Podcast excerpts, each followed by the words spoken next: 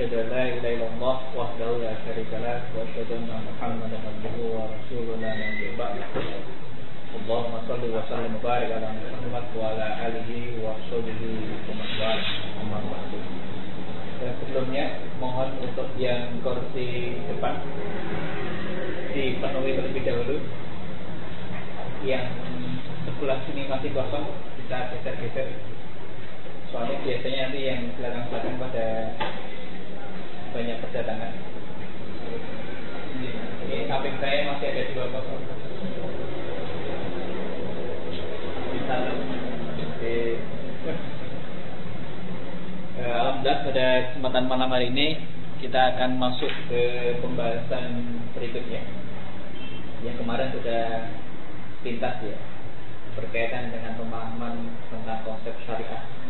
Berkaitan dengan bisnis konsep syariah yang pertama dan pada kesempatan malam hari ini dilanjutkan dengan konsep bangunan syariah yang kedua berkaitan dengan bisnis. Masih tema yang sama karena bulan kemarin belum selesai temanya. Ini berkaitan dengan standar perbuatan manusia. Jadi pintas kalau pembahasan kemarin ini kan e, terkait beberapa materi yang sering digunakan oleh manusia dalam melakukan aktivitas ya, belum berpijak pada benar atau salah atau belum berpijak pada suatu hal yang sifatnya e, nanti mana yang akan dijadikan pilihan terutama pilihan yang hakiki. Dan pada kesempatan malam hari ini Insya Allah nanti akan dilanjutkan sama Ustaz Sondro. Masih melanjutkan materi yang kemarin lanjutannya yaitu berkaitan dengan standar perbuatan manusia seri yang kedua dan pada kesempatan malam hari ini eh, seperti biasanya nanti silahkan menyimak ya, pembahasan materi demi materi. Karena ini memang materinya lain ya. Kalau biasanya kan para pengusaha sebenarnya kan praktis ya. Praktis pragmatis gitu ya. kalau materi kali ini ya agak jelimet mumet. Kemudian banyak mikirnya ya. Tapi insya Allah kalau nanti bisa menelaah materinya ini sangat berguna sekali terutama untuk bangunan bisnis yang kita jalankan baik kepada Ustaz Bro bisa dilanjutkan materi yang kemarin terima kasih Assalamualaikum warahmatullahi wabarakatuh. Waalaikumsalam warahmatullahi wabarakatuh. Alhamdulillah rabbil alamin. Wassalatu wassalamu ala asyrofil anbiya'i wal mursalin. Sayyidina wa maulana Muhammadin wa ala alihi wa Alhamdulillah malam hari ini malam yang spesial karena tuan rumahnya ada. Biasanya seperti anak kehilangan induk, sekarang sudah ada induk. Kita lanjutkan materi yang kemarin. Materi yang kemarin itu yang tulisan bawah ini, standar perbuatan manusia. Kemarin sudah kita dapatkan umumnya manusia itu di dalam berbuat senantiasa memiliki standar yang menurut hasil survei saya itu ada enam kemungkinan. Jadi umumnya manusia dalam berbuat itu pasti ada standar perbuatannya dengan syarat perbuatannya itu sadar. Kemarin sudah kita singgung. Yang tidak ada standarnya itu kalau perbuatan yang tidak sadar atau spontan atau refleks itu tidak ada standarnya. Semua perbuatan manusia secepat apa pun asal itu dalam kondisi sadar pasti ada standarnya dan kita kumpulkan ketemunya ada enam standar perbuatan kemudian sudah kita bahas yang kemarin kebutuhan manusia itu sesungguhnya adalah prediksi kan mana dari standar perbuatan itu yang bisa menghasilkan kepastian dari dampak atau akibat perbuatan itu baik jangka pendek, jangka panjang maupun jangka panjang sekali. Dan berbicara bisnis itu kan sebenarnya bicara prediksi juga. Misalnya kita punya uang satu miliar, terus kemudian ditantang satu miliar ini mau saya investasikan. Kira-kira menghasilkan keuntungan yang tinggi atau malah rugi. Kita kan butuh kepastian. Maka kita butuh pegangan. Apa yang bisa kita jadikan pegangan bahwa bisnis kita itu pasti menghasilkan keuntungan. Bukan mungkin, bukan juga menimbulkan kerugian. Dan sebenarnya tidak hanya persoalan bisnis, semua perbuatan manusia itu membutuhkan kepastian. Karena kita butuh kepastian apakah ketika kita melakukan perbuatan ini nanti dampaknya baik untuk jangka pendek, baik untuk jangka panjang, maupun baik untuk jangka panjang sekali. Pegangan apa yang bisa kita andalkan? Yang itu menghasilkan dampak yang pasti baik. Kebutuhan manusia sesungguhnya mencari pegangan dampak yang pasti baik. Itu sudah kemarin sudah kita bahas sampai mendalam bahwa sesungguhnya yang membuat manusia berbuat itu karena dampak. Kalau dia tahu bahwa dampaknya itu baik, maka dia akan dengan sukarela melakukan. Kalau dia itu tahu dampaknya buruk, pasti dia akan sukarela meninggalkan. Baik ada aturannya maupun tidak ada aturannya. Baik ada yang memaksa maupun tidak ada yang memaksa. Itu yang kemarin kita bahas. Nah sekarang malam hari ini kita akan menelanjangi. Wah besar. Mulai malam. Kita mulai menelanjangi Pilihan bahasa itu penting. Apakah membuat audiens bergairah atau tidak itu tergantung pilihan bahasa. Walaupun sebenarnya yang dibahas ya biasa-biasa. Itulah retorika Rugi sekali kalau ada yang belum punya buku saya. Sesama pengusaha harus saling promosi. Jadi satu persatu dari enam yang saya kumpulkan kemarin akan kita telanjangi, akan kita nilai bersama-sama. Mulai dari yang paling diandalkan manusia, yaitu standar perbuatan yang didasarkan pada pengamatan indera atau yang kemudian tersusun di dalam sebuah ilmu yang disebut ilmu pengetahuan dan teknologi. Ini karena sekarang ini menjadi andalan manusia, maka ini pembahasannya paling panjang, nomor satu itu. Pertanyaannya sama, apakah pengamatan indera manusia yang kemudian menghasilkan sains dan teknologi atau ilmu pengetahuan dan teknologi itu bisa dijadikan pegangan manusia untuk mengetahui apakah dampak yang perbuatan yang akan dilakukan itu menghasilkan kebaikan secara pasti. Pengamatan indera yang dibantu dengan ilmu pengetahuan dan teknologi memang bisa menunjukkan dampak baik buruk dari fakta-fakta yang akan dihadapi manusia. Namun kalau kita mau teliti lebih cermat lagi, sebenarnya pengetahuan manusia yang dibantu dengan indera dan ilmu pengetahuan teknologi itu dampaknya sebenarnya pengetahuannya itu hanya jangka pendek saja. Artinya apa? Untuk jangka panjang dan untuk jangka panjang sekali itu nanti pengetahuan manusia itu benar-benar sangat lemah. Ingat kemarin yang kita singgung jangka pendek itu paling tidak setahun, dua tahun, lima tahun, sepuluh tahun masih kita anggap jangka pendek. Dengan kata lain, kekuatan indera manusia atau kekuatan ilmu pengetahuan manusia itu memang bisa diandalkan untuk mengetahui baik buruk dari sebuah perbuatan, tapi jangka pendek. Ya paling lima tahun, 10 tahun masih bisa diprediksi dengan cukup akurat. Namun untuk jangka panjang kemampuan istek itu sesungguhnya sangat terbatas. Contohnya apa? Dulu ketika terjadi revolusi industri ya, dengan ditemukannya mesin industri, manusia dapat memperkirakan tingkat produksi yang mampu dicapai manusia.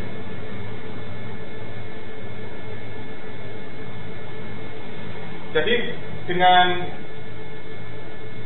dihasilkannya mesin-mesin industri, manusia sudah bisa memperkirakan.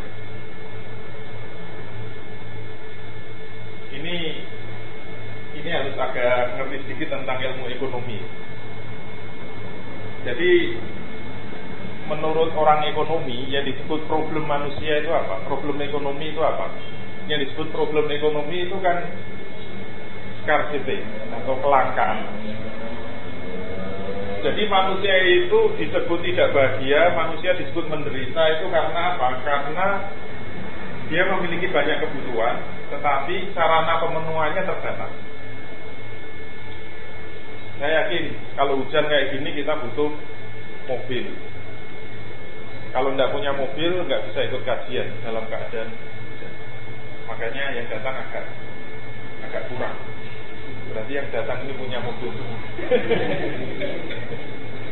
Harusnya bisa disebut yang tidak pakai mobil. Saya selalu tanya pada bosnya acara ini. Ini kalau hujan, selatan hujan terus tadi, hujan angin gitu. Kalau saya tanya, ini kira-kira ada yang datang nggak? Ini kan forum pengusaha, jawabnya gitu.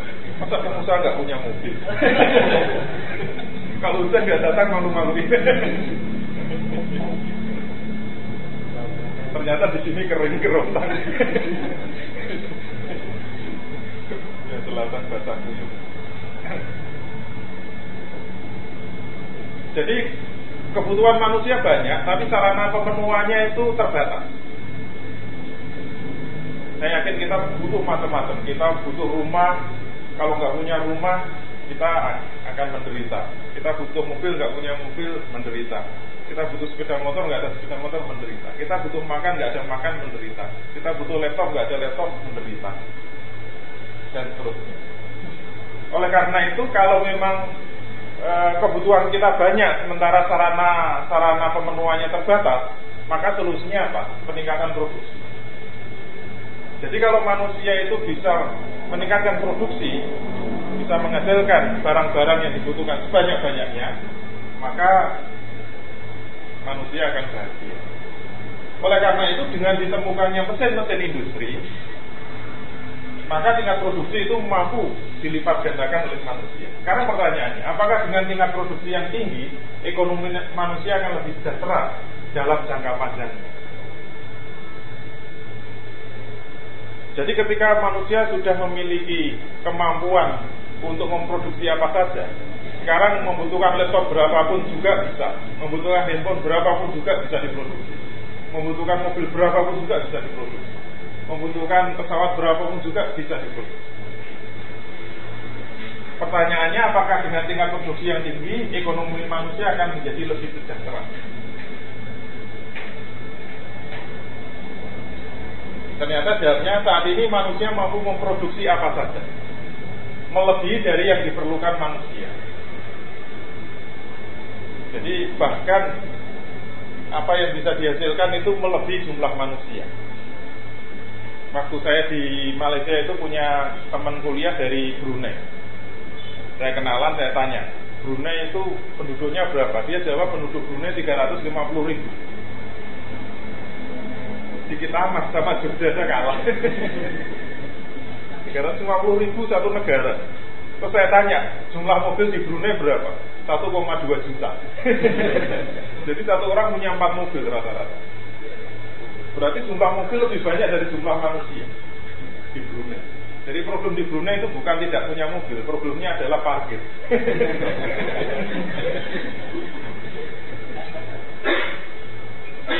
itu menunjukkan bahwa manusia mampu memproduksi apa saja melebihi dari yang diperlukan manusia.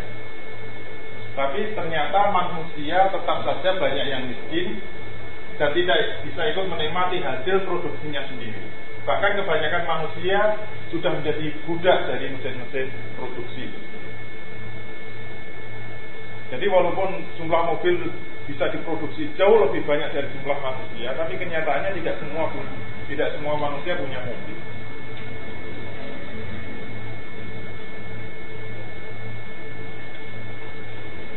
itu dalam jangka panjang. Jadi apa yang dianggap manusia menurut ilmu pengetahuan dan teknologi, kalau manusia itu mampu memproduksi dengan mesin mesin produksi yang sebanyak-banyaknya, maka problem manusia dalam jangka panjang itu selesai. Ternyata malah enggak selesai. Berarti kemampuan ilmu pengetahuan dan teknologi manusia untuk menjangkau jangka panjang. Jangka panjang misalnya 50 tahun, 100 tahun. Itu ternyata sangat lemah. Tidak bisa memastikan. Contoh kedua, harus banyak contoh. Ketika ilmu pengetahuan dan teknologi menemukan pestisida, ini revolusi pertanian dulu. Revolusi hijau itu kan karena dulu saya dari pertanian, jadi e, berlapis-lapis. Ini mungkin sudah revolusi yang level keempat.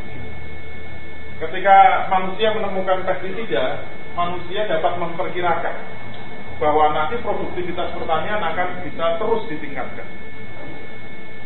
Dulu manusia yakin, menganggap bahwa yang membuat produksi pertanian itu terus mengalami kemerosotan atau kegagalan itu karena hama yang menyerang atau penyakit yang menyerang tanaman padi atau tanaman jagung di kebun kita.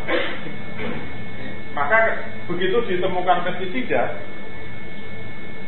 dengan sekali semprot itu bisa mati semua. Maka manusia bisa memprediksi nanti e, jangka panjangnya produktivitas pertanian akan bisa terus ditingkatkan. Pertanyaannya, apakah kemudian dalam jangka panjang akan demikian? Jawabnya apa? Justru saat ini pestisida sudah dianggap produk yang membahayakan manusia karena telah mencemari hasil pertanian, mencemari lingkungan, bahkan telah membuat hama mengalami mutasi.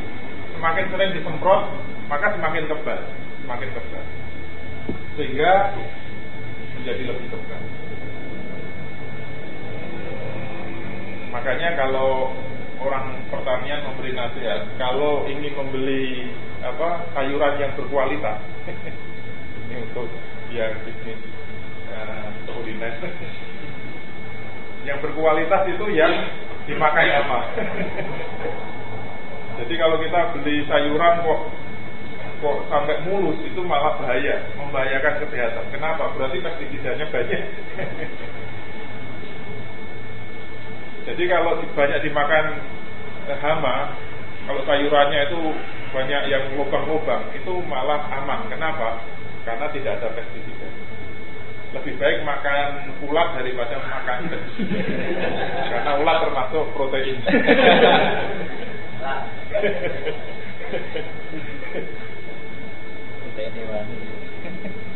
Kecuali harus dicuci dengan ekstra untuk menghilangkan pestisida. Jadi ternyata dalam jangka panjang apa yang diprediksi manusia itu malah gagal. Selalu dalam jangka panjang ternyata lemah. Ilmu pengetahuan selalu meleset, selalu meleset. Apa yang dianggap baik jangka pendek oke, okay. sukses. Mungkin produksi tadi sukses. Pertanian juga sukses dalam jangka pendek. Tapi begitu jangka panjang orang baru tahu setelah 50 tahun. Mungkin setelah 100 tahun baru tahu apa yang diprediksi manusia dengan ilmu pengetahuannya itu ternyata sudah mengalami kegagalan.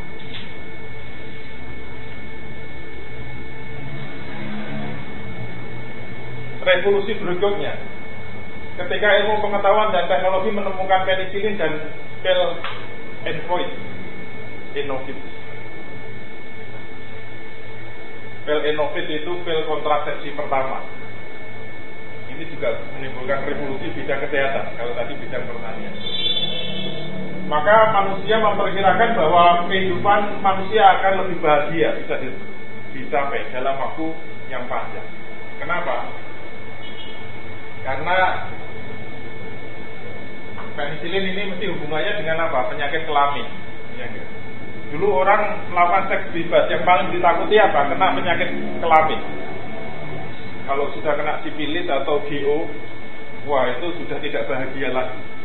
Maka revolusi terjadi ketika penisilin ditemukan. Udah nggak usah takut. Kenapa? Semua penyakit kelamin bisa dihilangkan dengan penisilin. Ketakutan kedua itu kalau hamil. Kalau hubungan seks bebas itu hamil, maka begitu ditemukan sel kontrasepsi pertama yaitu enofit, ini terjadi revolusi juga. Udah nggak usah takut hamil, pokoknya kasih Enovit beres. Maka semua manusia optimis bahwa manusia akan lebih bahagia hidup. Pertanyaannya dalam jangka panjang apakah benar demikian? Ternyata hasil temuan itu telah menyebabkan manusia lebih berani untuk melakukan seks bebas tanpa takut hamil dan tanpa takut terkena penyakit kelamin. Seks bebas ternyata telah berperan untuk menghancurkan generasi manusia, bahkan telah membuat generasi manusia terancam punah. Orang tidak pernah menyangka bahwa ketika seks itu dibebaskan, bangsa Amerika, bangsa Eropa, bangsa ya bangsa yang menerapkan seks bebas ini nggak menyangka dalam jangka panjang kita tunggu saja. Menurut hitungan 50 tahun lagi kalau mereka nggak berubah kelakuannya, itu Eropa bisa habis itu bangsa Eropa. Nggak usah diserang. habis. Karena pertumbuhan penduduk di Eropa, Australia, Amerika itu sudah negatif sudah negatif. Kita masih 2% kalau Indonesia. Mereka rata-rata negatif. Generasi tuanya jauh lebih banyak daripada yang baru lahir. Waktu saya di Australia kemarin saya tanya teman-teman yang di sana, e, jumlah orang Australia yang mau menikah berapa persen? Yang mau menikah tinggal 40 persen. Yang 60 persen memilih kumpul kebo nggak mau sama manusia. Tapi kebo bule.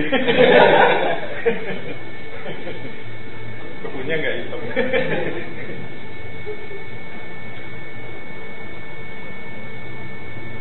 Jadi diperkirakan negara Eropa nggak butuh 50 tahun, mungkin 30 tahun, ada 20 tahun itu punah mereka, sudah nggak ada keturunan.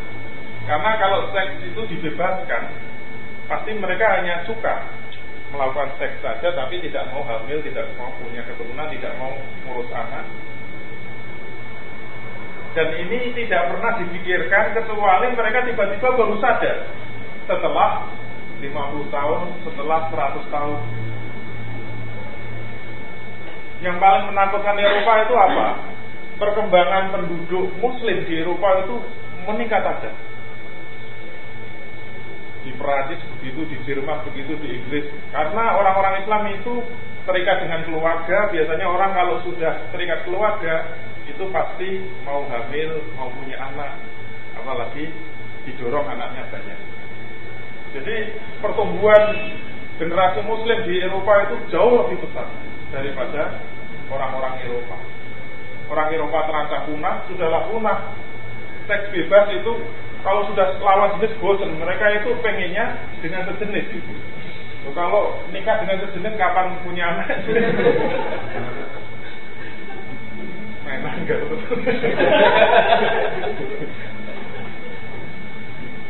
Di Belanda itu ada satu kota yang dulu saya baca di Jawa Pos.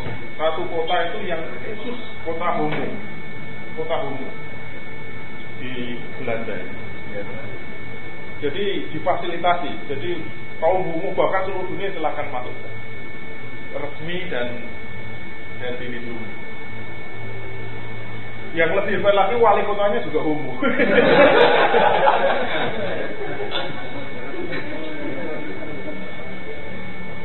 itu kan nggak nunggu nggak nunggu 30 tahun, mungkin 10 tahun, 20 tahun nanti kota itu habis kan. Akan hilang. Karena apa? Penduduknya habis nggak ada keturunan.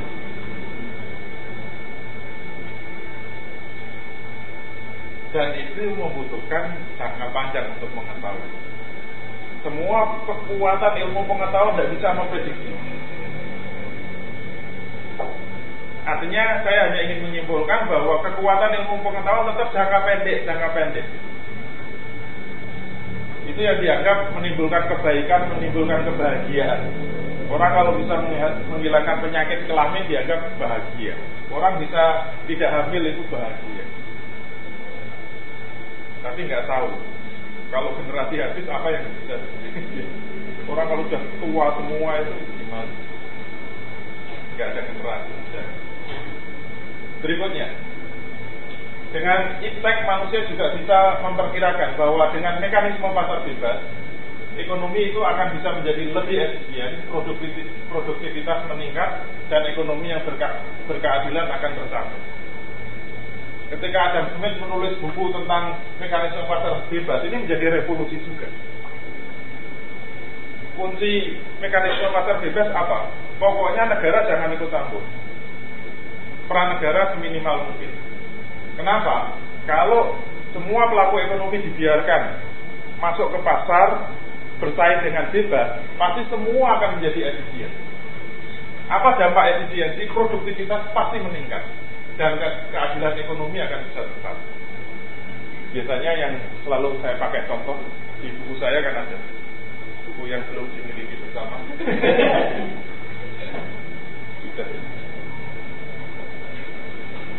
yang selalu saya pakai contoh yang paling mudah itu yang punya pengalaman beli handphone tahun 90-an. Saya beli, beli handphone pertama tahun, tahun 99 kalau nggak salah ingat. Saya e, sangat terkesan. Kenapa? Mencari SIM card itu susahnya minta ampun. Dulu saya ingat saya mau beli SIM card itu harus fotokopi KTP, harus dikumpulkan, harus antre, baru seminggu dapat jawaban. Itu kalau dapat Harganya satu SIM card berapa? Satu kartu SIM card. Satu setengah juta. Satu setengah juta. Kalau belum pernah beli itu berarti belum pernah beli handphone tahun 99 Simpati satu setengah juta. Saya ingat Kenapa? Saya nggak kuat beli Nomor dua mentari. Saya masih ingat. Itu yang kuat beli saya beli. Makanya nomornya saya beli sampai sekarang. 800 ribu. Yang paling bawah itu XL 400 ribu. Itu untuk istri saya. Sampai sekarang masih dipelihara nomornya masih 9 juga kenapa? Jawabnya karena dimonopoli oleh negara karena tidak ada persaingan kita sekarang pertanyaannya, kenapa sekarang SIM card murah? Kenapa pulsa murah? Kenapa SMS murah? Mungkin dua kali SMS, SMS sampai seribu, sepuluh ribu tak kemenge gitu. Kenapa sangat murah? Jawabnya karena ada persaingan bebas. Kalau ada persaingan bebas, siapa yang bisa eksis? Mereka yang bisa berlomba-lomba untuk melakukan efisiensi sehingga efisiensi terjadi, produktivitas meningkat, keadilan ekonomi bisa muncul. Karena apa? Keadilan ini dari semua sisi, dari segi produsen, semua yang ingin bisnis dalam bidang apa seluler dibebaskan. Yang disebut tidak adil itu kalau kita mau bisnis operator seluler dilarang, itu kan tidak adil. Mau buka di Indonesia tidak boleh yang boleh hanya negara atau yang punya koneksi dengan negara. Itu namanya tidak adil. Kalau dibuka secara bebas, semua boleh bertarung secara bebas, adil. Adil juga untuk konsumen. Kenapa? Konsumen juga bisa memilih secara bebas. Kalau bisa memilih secara bebas, maka semua akan bersaing untuk melakukan efisien. Itu teorinya Adam Smith buku ketika bukunya Adam Smith di launching pertama langsung menimbulkan revolusi. Mereka yakin pasti dengan sistem pasar bebas ekonomi itu akan semakin sejahtera. Makanya bukunya judulnya The Wealth of Nations. Karena apa? Semua akan sejahtera. Dengan apa? Mekanisme pasar. Tapi orang yakin tetap prediksinya apa? Jangka pendek Terus jangka panjangnya bagaimana? Apakah mekanisme pasar bebas akan memberikan kesejahteraan bagi seluruh umat manusia dalam jangka panjang? Mungkin setelah 100 tahun, setelah 200 tahun, orang baru sadar. Ternyata ekonomi pasar bebas itu ibarat telah menyelenggarakan pertandingan tinju dalam ring tanpa kelas. Pernah lihat tinju? Dulu yang paling mengerikan itu Mike Tyson. Kenapa? Lehernya kayak badan. Nah, kelas berat kan. Coba kalau uh, Taufik Hidayat melawan badminton Ketua Ingu Rakyat itu masuk ring dilirik aja udah pingsan. Akibatnya apa? Yang kaya makin kaya, yang miskin makin miskin. Bagaimana terjadi saat ini orang baru sadar setelah apa? Jangka panjang baru merasa bahwa apa yang di, disimpulkan oleh ilmu pengetahuan dan teknologi buatan manusia itu hanya bisa untuk prediksi jangka pendek. Mungkin hanya manjur untuk jangka pendek. Begitu jangka panjang, semuanya sudah gagal total. Sekarang semua menghujat ekonomi liberal atau ekonomi pasar. Ekonomi pasar bebas di mana-mana ditolak, di mana-mana di demo, di mana-mana semua sepakat di mana-mana mengatakan bahwa ini adalah penyebab kehancuran ekonomi. Setelah dijalankan, setelah dinikmati, setelah 100-200 tahun, baru saja. Oh ternyata dalam jangka panjang salah Berarti harus nunggu sangka panjang dulu baru sadar. Setelah banyak generasi yang hilang.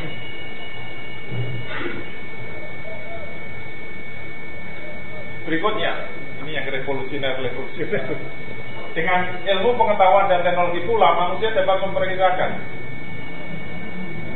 kalau ini pendapat sebaliknya dari sosial. Jika penguasaan aset-aset produksi oleh individu dihapuskan, maka keadilan ekonomi akan tercapai dan penindasan ekonomi akan terhapuskan. Menurut Karl Marx, setelah kapitalisme gagal, dia menganalisis penyebabnya apa? Kok yang kaya makin kaya, yang miskin makan miskin? Kenapa selalu ada penindasan ekonomi? Jawabnya karena apa?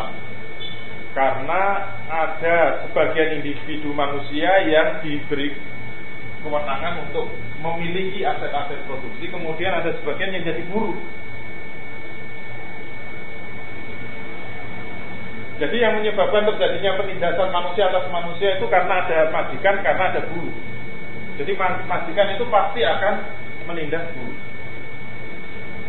Itu teorinya Karl Marx disebut surplus labor and value theory. Untuk lebih lengkapnya baca buku saya. saya mau promosi kok pakai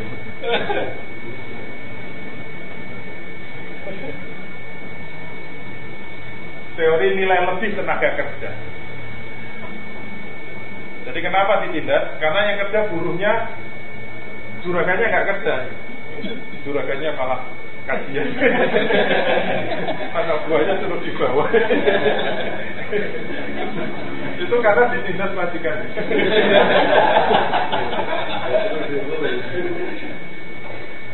Maka katakan mas pertanyaannya kenapa orang itu bisa menindas orang lain karena majikan itu memiliki aset produksi, sedangkan buruh tidak punya.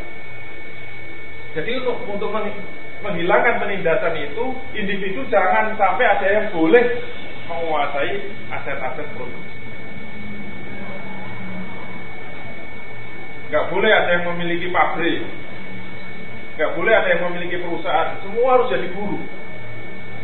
Jadi ya, kalau ada individu punya pabrik, punya perusahaan harus diambil alih oleh negara.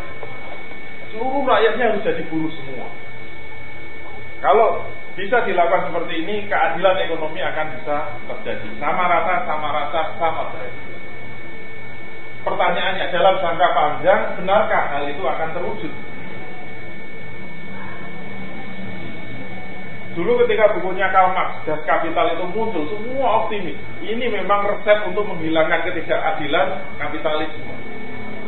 Kemudian terjadi revolusi di mana-mana. Revolusi sosialisme, revolusi komunisme. Termasuk di Indonesia. Tapi gagal. Begitu negara-negara sudah menerapkan sosialisme dalam jangka panjang, apakah terwujud? Ternyata penghapusan kepemilikan individu hanya membuat kelas baru pengennya menghilangkan kelas tapi malah menciptakan kelas baru yaitu kelas penguasa sebagai pemilik seluruh aset produksi dan kelas rakyat sebagai buruh dari proses produksi. Kelas tidak hilang hanya berganti orang. Seluruh rakyat sebagai buruh malah semakin tertindas oleh penguasa sehingga rakyat semakin menderita. Lebih menderita dari yang dikoreksi yaitu kapitalisme. Kapitalisme makin jaya waktu itu, sosialisme makin menderita. Akhirnya sosialisme, komunisme tumbang terlebih dahulu. Soviet itu kan ambruk sebelum kapitalisme yang dikoreksi itu ambruk. Tahun 90 sudah ambruk, ini kapitalisme 2010 ke atas masih masih, jalan belum mampu sudah sempoyongan terus semua yang revolusioner dengan ilmu pengetahuan dan teknologi manusia dapat memperkirakan bahwa penggunaan mata uang kertas akan membuat ekonomi lebih baik dibanding dengan penggunaan mata uang emas dan perak. Pokoknya menggunakan emas dan perak itu jeleknya banyak. Udahlah ngerepoti, nggak praktis, terlalu berat. Coba bayangkan kalau duitnya banyak kan kurang yang.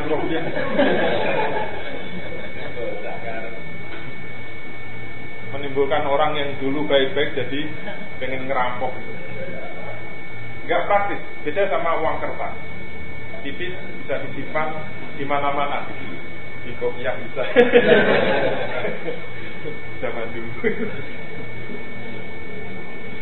Sehingga ilmu pengetahuan dan teknologi itu memprediksi bahwa perubahan emas menjadi kertas itu akan membuat ekonomi menjadi lebih baik. Pertanyaannya, apakah dalam jangka panjang benar demikian? Ternyata dalamnya pencetakan mata uang kertas terbukti semakin tidak terkendali dan itu menjadi penyebab utama terjadinya inflasi yang merajalela di mana-mana. Bagaimana terjadinya krisis moneter baru-baru ini. Ini semua kalau dirunutkan karena apa? Mata uang kertas. Terus dengan ilmu, ilmu pengetahuan dan teknologi manusia juga bisa memperkirakan manfaat dari bunga atas pinjaman.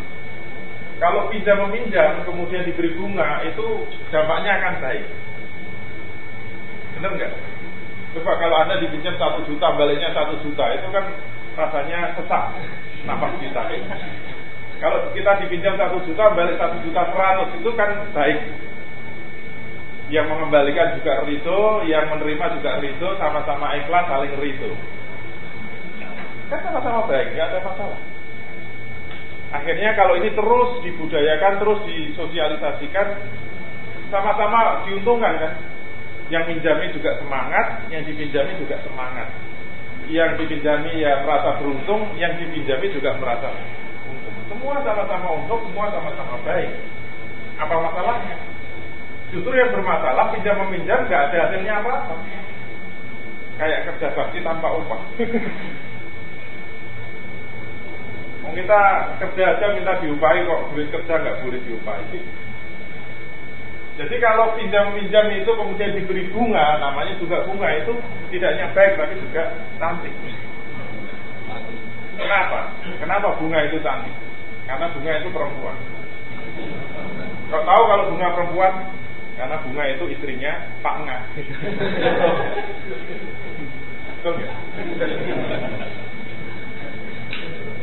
Pertanyaannya dalam jangka panjang benarkah demikian?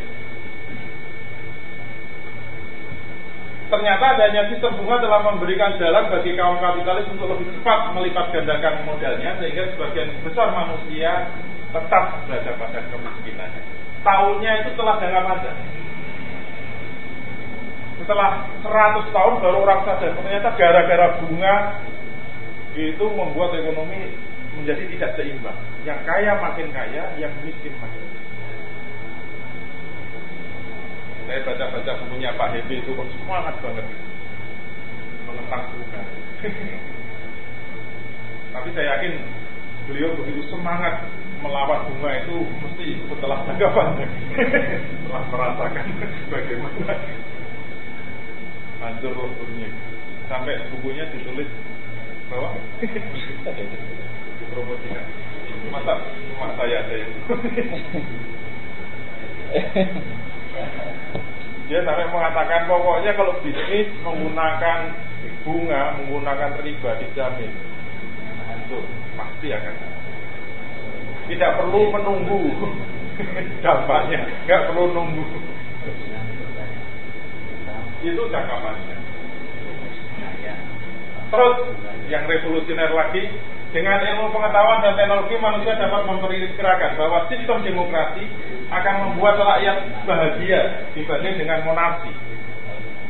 Dulu Eropa merasakan penderitaan yang luar biasa, Eropa merasakan penindasan yang luar biasa karena apa? Karena menggunakan sistem monarki. Yang namanya monarki itu peraturan hukum di tangan raja. Kan biasanya aturannya cuma dua pasal Pasal satu apa yang dikatakan raja itu benar. Pasal dua kalau raja salah lihat salah. Cuma itu. Undang-undang dasar di seluruh Eropa. Makanya mereka menderita karena apa ditindas oleh raja. Raja itu kelompok minoritas. Kalau kelompok minoritas diberi kesempatan membuat hukum, maka hukum akan berpihak kepada siapa? pada kaum minoritas dan akan menindas kaum mayoritas. Maka yang disebut bahagia itu apa? Yang disebut bahagia itu kalau hukum yang membuat kelompok mayoritas pasti akan mengikuti kepentingan mayoritas. Iya ya. Oleh karena itu, siapa yang bisa mewakili sistem itu? Yang bisa mewakili sistem itu hanya satu, yaitu demokrasi. Demokrasi itu dari rakyat oleh rakyat untuk rakyat. Kalau rakyat secara mayoritas diberi kesempatan buat hukum, pasti hukum akan berpihak kepada mayoritas. Dalam jangka panjang, kalau demokrasi diterapkan, rakyat semuanya akan bahagia.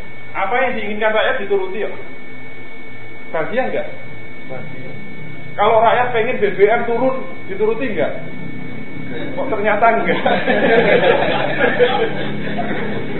harus ngamuk harus ganti jalan tol dulu. Kalau demonya tertib karena HTI kayaknya dulu demo itu harus ganti jalan tol. Dalam jangka panjang benarkah demikian? Ternyata sistem demokrasi telah menjadi jalan jalan baru bagi kaum kapitalis untuk tetap menjadi penguasa dan tetap melestarikan penindasannya kepada rakyat jadi ternyata hanya ilusi saja demokrasi itu. Gak ada ceritanya dari dulu sampai sekarang hukum itu memihak kepada mayoritas. Kemarin voting di DPR itu yang menentukan berapa orang sih? Kayaknya sih yang voting 550 orang, tapi yang menentukan berapa? Hanya ketua-ketua partai. Dan ketua partai siapa ya? Kaum kapitalis atau yang didukung oleh kaum kapitalis. Contohnya Golkar kemarin, ada yang balik lo? Gak ada, semua kan harus tunduk patuh sama bosnya. Seluruh suara partai siapa yang dituruti? Apakah mereka melihat yang nyoblosi konstituennya? Gak mungkin. Yang dituruti siapa? Ketua umumnya. Satu orang.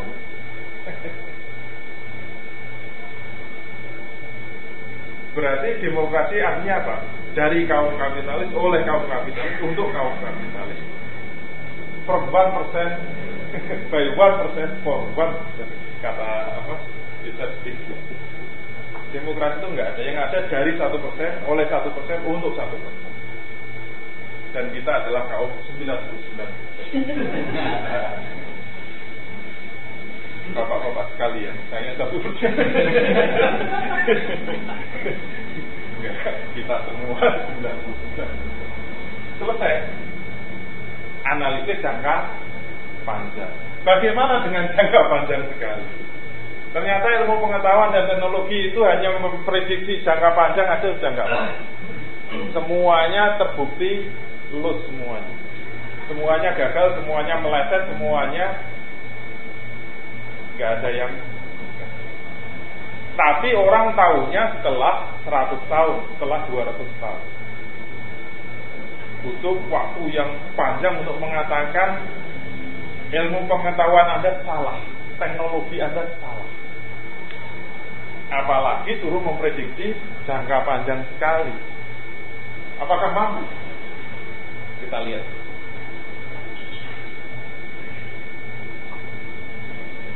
Indera dan ilmu pengetahuan teknologi manusia tidak akan pernah bisa menjangkau dampak yang panjang sekali yaitu di akhirat. Iptek manusia bagaimanapun tanggimnya tidak akan pernah mampu melihat bagaimana nasib manusia yang sudah masuk di kuburan. Jangan ditertawakan, ini sudah ada yang mencoba. Dulu profesor dari Jerman kalau nggak salah. Sudah ada yang meneliti bagaimana nasib manusia setelah masuk kuburan. Jadi dia harus melakukan uji coba, manusia dimasukkan kuburan, kemudian dibunuh, direkam. Kira-kira yang terjadi apa? Kalau ada yang bilang ada malaikat datang mana gitu. Satu orang sudah dibunuh, nggak ada hasilnya. Ya di kuburan tetap diem saja. Bergerak aja enggak. Ditunggu berhari-hari enggak. Gagal. Akhirnya cari orang lagi, bunuh lagi, diuji coba lagi sampai ditaruh tabung yang sangat sangat apa steril gagal, gagal, gagal. Baru ketahuan setelah korban yang ke-15. Baru ketahuan polisi. Akhirnya ditangkap. Setelah membunuh orang sampai 15 untuk kelinci percobaan. Bukan kelinci ya, manusia percobaan. Hanya karena apa? Dia ingin tahu nasib manusia setelah masuk kuburan. Jadi kekuatan ilmu pengetahuan dan teknologi manusia sampai detik ini bahkan mungkin sampai akan datang tidak akan pernah bisa memprediksi bagaimana nasib manusia setelah mati. Kalau andalanya hanya ilmu pengetahuan dan teknologi, hasilnya ya sama kayak profesor tadi. Kecuali hanya melihat manusia akan menjadi bangkai dan melebur menjadi tanah. Pertanyaannya, Apakah benar demikian? Iptek ternyata Iptek menyatakan bahwa materi dan energi itu kekal Berarti kiamat tidak akan pernah terjadi Hukum kekekalan energi Hukum kekekalan energi maksudnya apa? Hukum kekekalan materi dan energi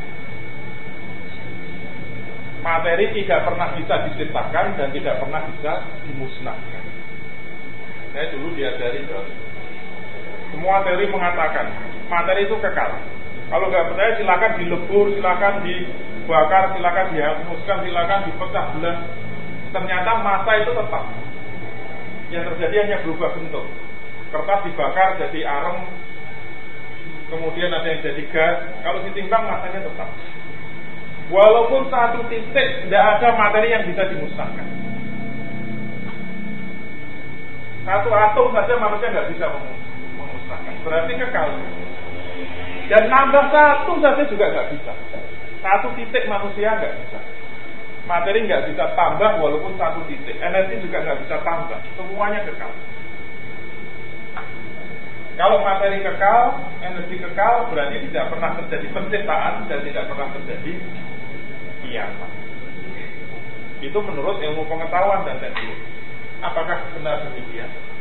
Pertanyaan dalam jangka panjang. Iptek manusia juga mampu mengamati apa manfaat dari daging babi, misalnya. Bahkan Iptek juga mampu menghilangkan dampak buruk yang ditimbulkan daging babi bagi kesehatan. Misalnya ada cacing pitanya bisa dihilang. Itu jangka pendek. Pertanyaannya jika manusia makan daging babi, apakah akan berdampak baik untuk jangka panjang sekali yaitu di akhirat? bisa diprediksi dengan ilmu pengetahuan dan teknologi. Kalau makan daging babi nanti bisa diperkirakan dia akan kejat-kejat di akhirat kelak. Mampukah Istek memastikannya? Demikian juga untuk minuman keras, bangkai, darah dan sebagainya. Apakah manusia mampu memastikan dampak baik dan buruknya dalam jangka panjang sekali yaitu di akhirat? Kesimpulannya, Kemampuan indera dan insting yang dimiliki manusia sangat terbatas dan sangat relatif. Indera dan insting manusia tidak mampu memastikan dampak yang akan diakibatkan dari perbuatan manusia, terutama untuk jangka panjang dalam hitungan ratusan tahun, terlebih lagi untuk jangka panjang sekali, yaitu besok di akhirat.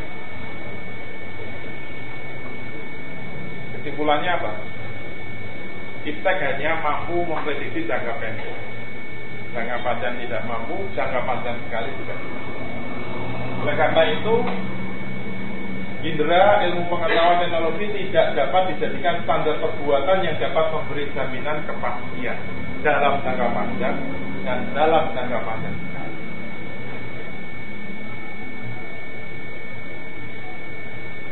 Nomor satu sudah gagal. Menurut analisis akal manusia.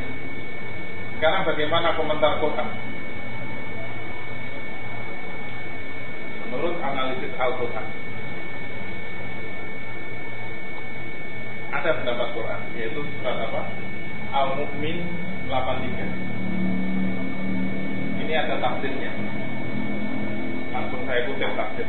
Al-Mu'min 83 Falamma ja'atum rusuluhum fil bayyinati fariqu bima indahum minal ilm wa haqa bihim ma kanu bihi yastahzi maka tak kala datang kepada mereka rasul-rasul yang diutus kepada mereka dengan membawa keterangan-keterangan mereka sudah merasa senang dengan pengetahuan yang ada pada mereka jadi ketika datang Rasul-Rasul yang membawa keterangan-keterangan yang nyata, fariku bima indahum minal Mereka sudah merasa senang, merasa tentram, merasa sudah merasa hebat dengan apa? Dengan ilmu pengetahuan yang dia miliki. Ini ada tafsirnya yang dimaksud apa? Mereka merasa senang dengan pengetahuan yang ada pada mereka. Maksudnya adalah bahwa mereka sudah merasa cukup dengan ilmu pengetahuan yang ada pada mereka dan tidak merasa perlu lagi dengan ilmu pengetahuan yang diajarkan oleh Rasul-Rasul mereka. Malah mereka memandang enteng dan memperolok-olokkan keterangan yang dibawa oleh Rasul-Rasul itu. Jadi ilmu pengetahuan itu sekarang sudah menjadi alat kesombongan manusia dan merasa agama itu trek gitu. Gak ada perlunya gitu. Orang belajar agama itu untuk apa? Dianggap kuno, dianggap kadaluarsa, dianggap mundur, dianggap zaman sudah dahulu kala, primitif. Yang paling hebat apa? Ilmu pengetahuan.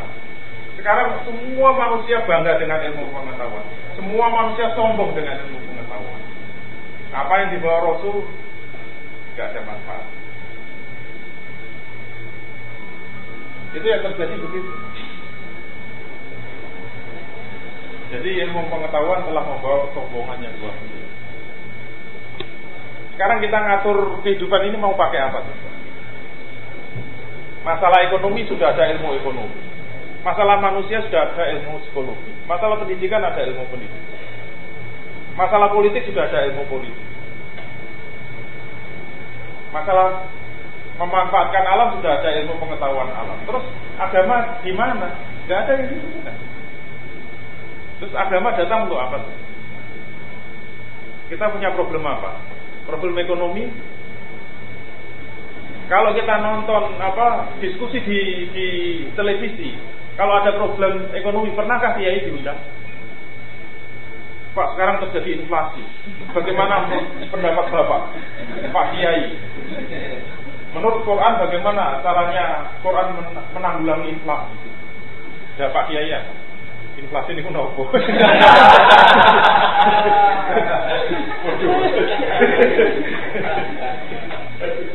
kan tidak mungkin kiai diundang di televisi. Ada problem hukum yang diundang pakar-pakar hukum. Gak mungkin pakar syariah diundang kan hukum syariah kan.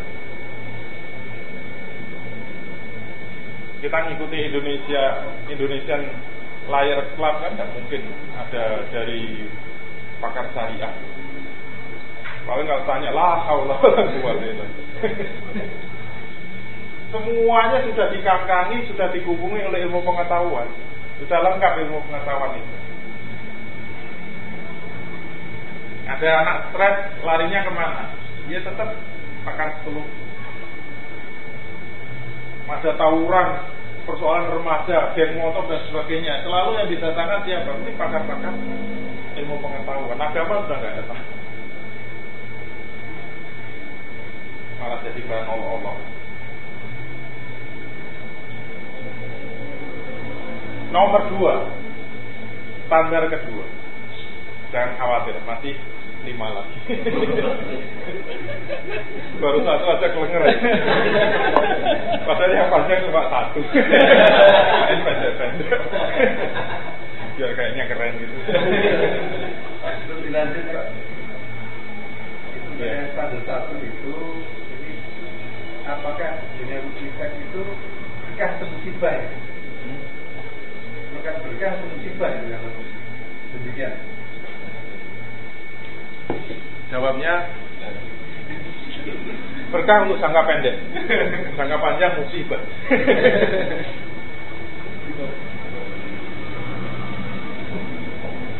Berarti kesimpulannya apa? Nanti kita bisa memanfaatkan iptek itu untuk jangka pendek.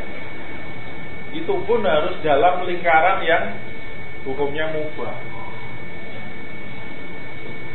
Di luar hukum lingkaran mubah kita tidak boleh.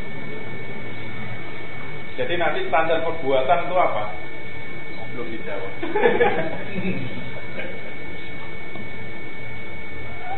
Sabar.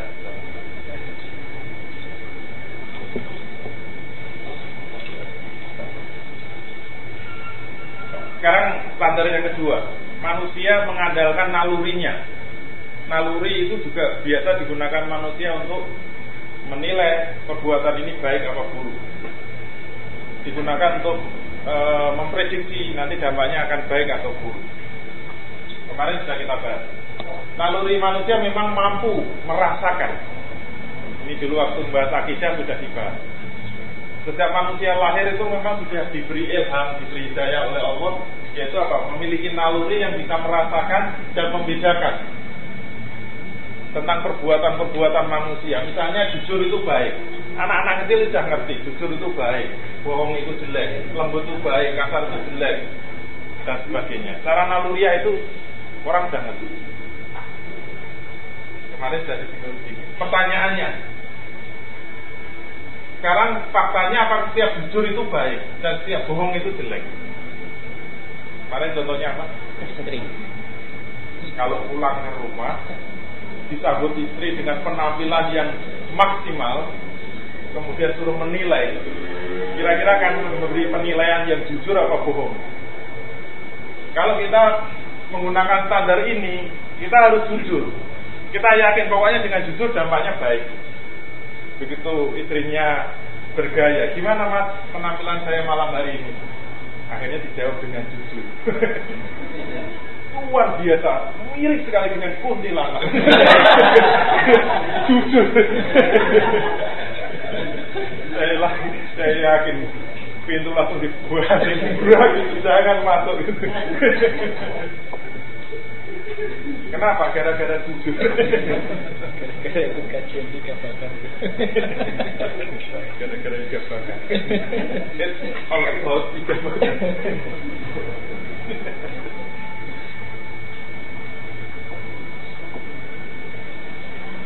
Berarti lebih baik apa? Lebih baik bohong.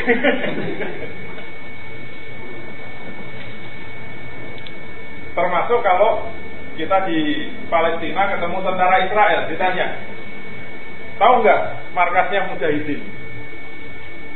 Karena habis dari sana, sekarang harus dijawab bohong apa jujur.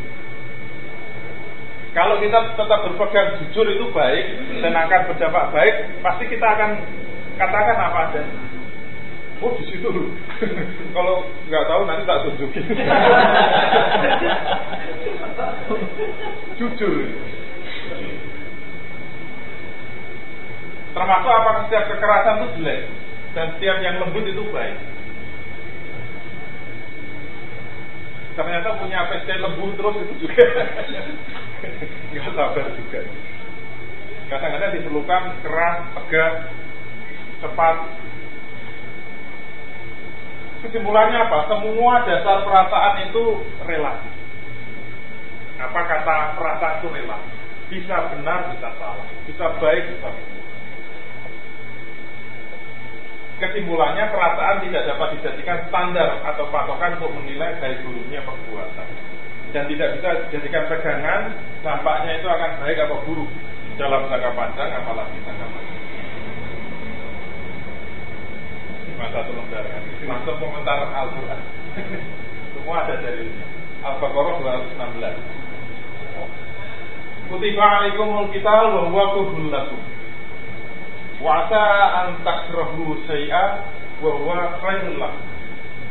Wa asa an tuhibbu syai'a wa huwa syarrul lakum. Wallahu ya'lamu wa antum la ta'lamun. Ayat ini bagus untuk contoh. Karena apa? Dimulai dengan perintah yang sangat kasar dalam tanda petik. Kutiba alaikumul kita. Bayangkan, telah diwajibkan atas kamu sekalian untuk berperang. Kalau kita mau pakai perasaan, pakai naluri.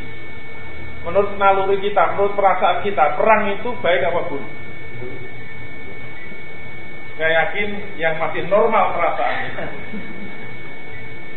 Yang masih bersih nalurinya Semua manusia yang pernah lahir ke dunia Pasti mengatakan perang itu adalah buruk. Perang itu jelek. Perang itu membahayakan. Perang itu menghancurkan. Dan Allah juga ngerti. Makanya Allah kemudian mengatakan Wahwa kurhun laku. Wa kembalinya ke kita. Bahwa kudulaku.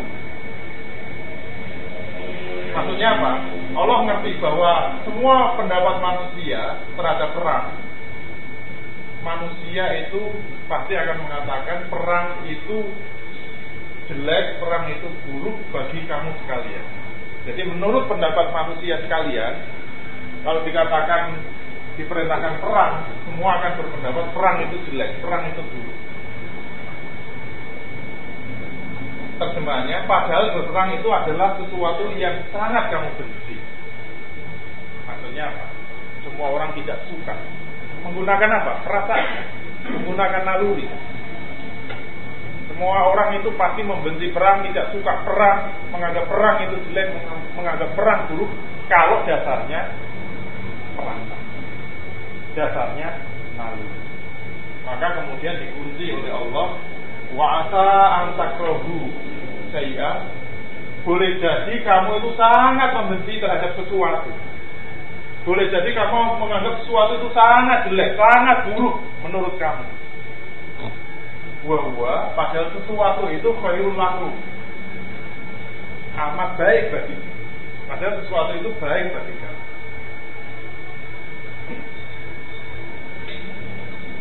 Sebaliknya wa asa antusibu saya boleh jadi kamu menyukai sesuatu, sangat senang dengan sesuatu, menganggap sesuatu itu sangat baik. Bahwa tarulah padahal sebenarnya sesuatu ini adalah sangat buruk bagi sangat jelek bagi kamu.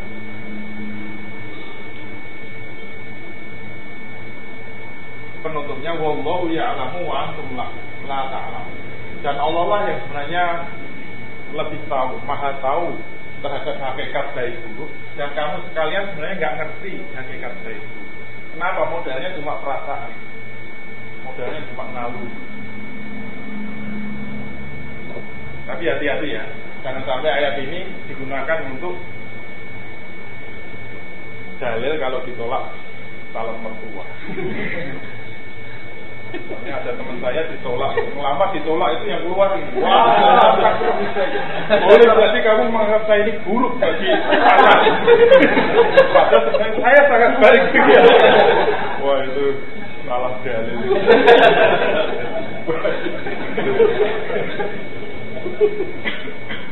Gara-gara kasihan diikat bakar. Apal dalilnya. Ini dalil yang menunjukkan bahwa standar perasaan suka tidak suka, benci atau e, menyukai sesuatu itu relatif. Manusia tidak tidak ngerti hakikat baik buruk. Perang menurut manusia semua buruk, tapi menurut Allah malah baik, bahkan diwajibkan. Ini ini kalimatnya sama dengan puasa kan? Kutiba alaikumusiyam telah diwajibkan atas kamu berpuasa. Tapi ini kalah populer. Nggak tahu, nggak ada yang membaca. Tiga, 30 hari bulan Ramadan itu Al-Baqarah 183 yang laku. Al-Baqarah 216 nggak pernah di sini. Sama-sama putih banyak. Padahal kalau kutiba alaikum siam semangatnya bentar. Pokoknya nggak kuat masuk neraka. Dibakar dalam api yang menyala-nyala. Tapi nggak dibaca. Kutiba alaikumul kita telah diwajibkan atas kamu untuk berperang. Kalau tidak berperang masuk neraka. Umat Islam itu kalau tidak menjalankan jihad itu dosa semua. Ini kan perintah jihad. Jihad itu fardu kifayah.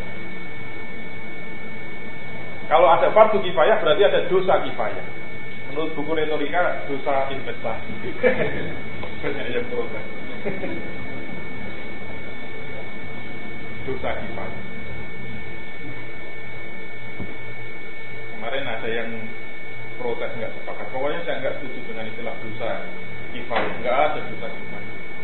Saya sampai uh, sampai saya terkejut. Kalau ada orang Islam nggak nggak nggak percaya dengan dosa kifayah itu sudah bisa kalau nggak hati-hati bisa jatuh murtad. Berarti kalau tidak mengakui dosa kifayah itu maknanya apa? Tidak mengakui fardu kifayah. Menolak sesuatu yang koti yang sudah diwajibkan itu kalau nggak mau masih maksiat. Kalau menolak itu bisa murtad. Orang nggak mau puasa itu maksiat, tapi menolak puasa itu wajib itu murtad. Seperti jihad, jihad itu fardu kifayah. Kalau nggak mau jihad masih maksiat, tapi kalau menolak jihad itu sudah murtad. Beda kan? Yang namanya fardu kifayah, kalau tidak dikerjakan ya dosanya kita pikul bareng-bareng itu namanya dosa kifayah.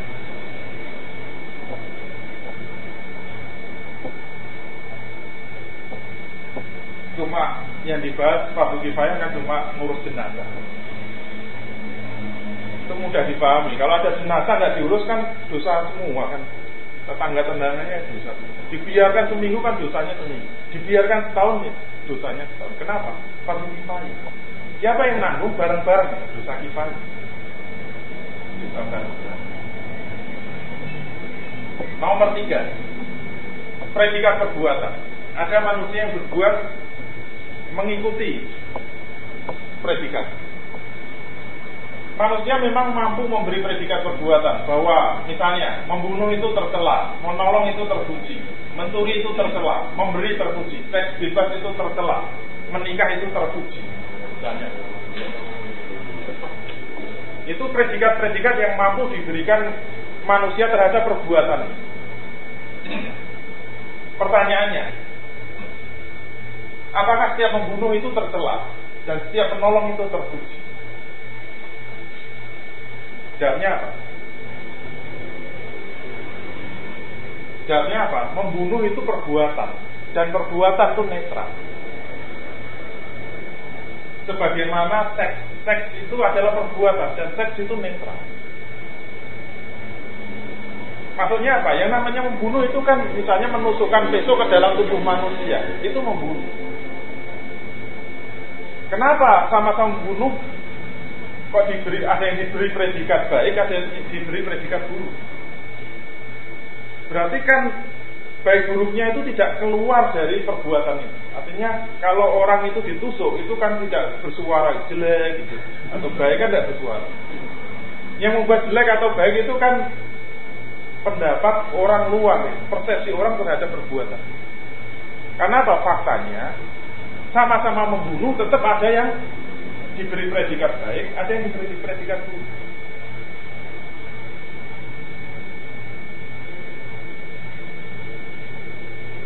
Misalnya orang digantung, lucu nggak kalau ada orang digantung? Gantung itu kan ya leher pokoknya dijirat ditarik ke atas. Itu kan ya netral-netral saja. Coba kalau disebut Gimana kalau ini digantung Jos Bus? Wah, tepuk tangan semua. Setuju, bagus itu.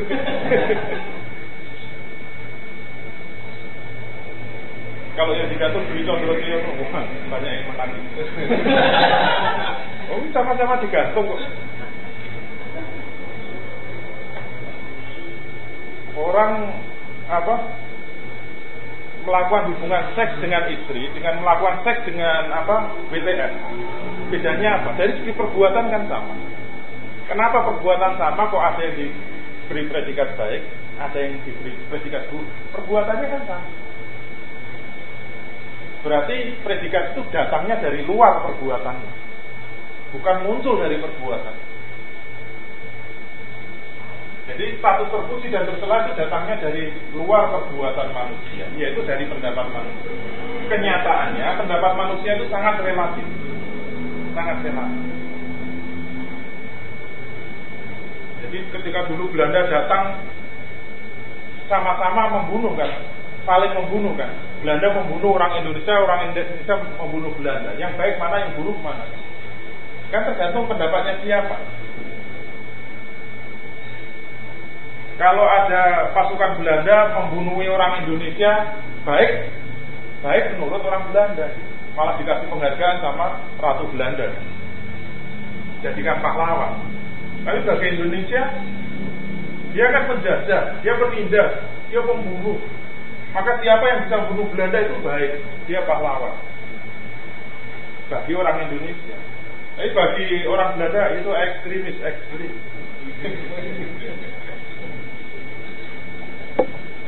Ya membunuhnya sama, tapi terus yang benar yang mana? Kan relasi. Yang benar Belanda apa Indonesia sekarang?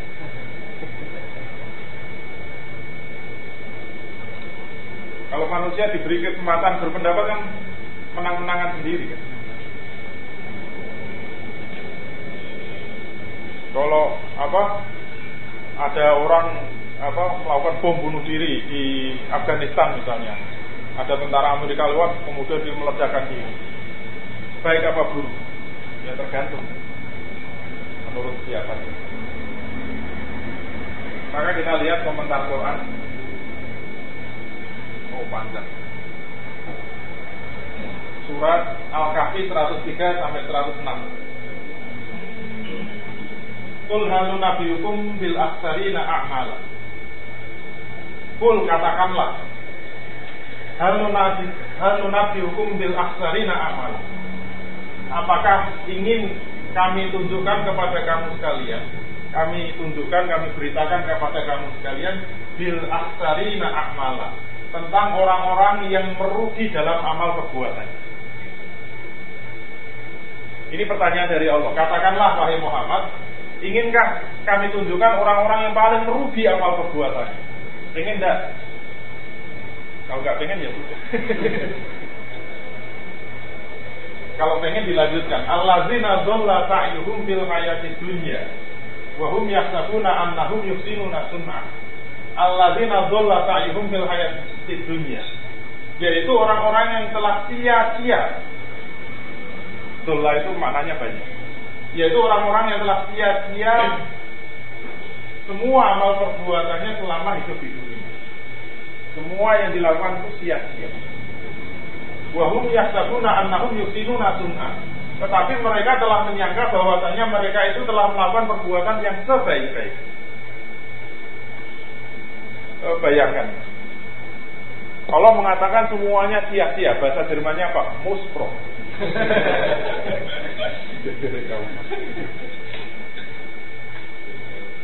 Tapi dia menyangka bahwa dia telah melakukan perbuatan yang sebaik-baik.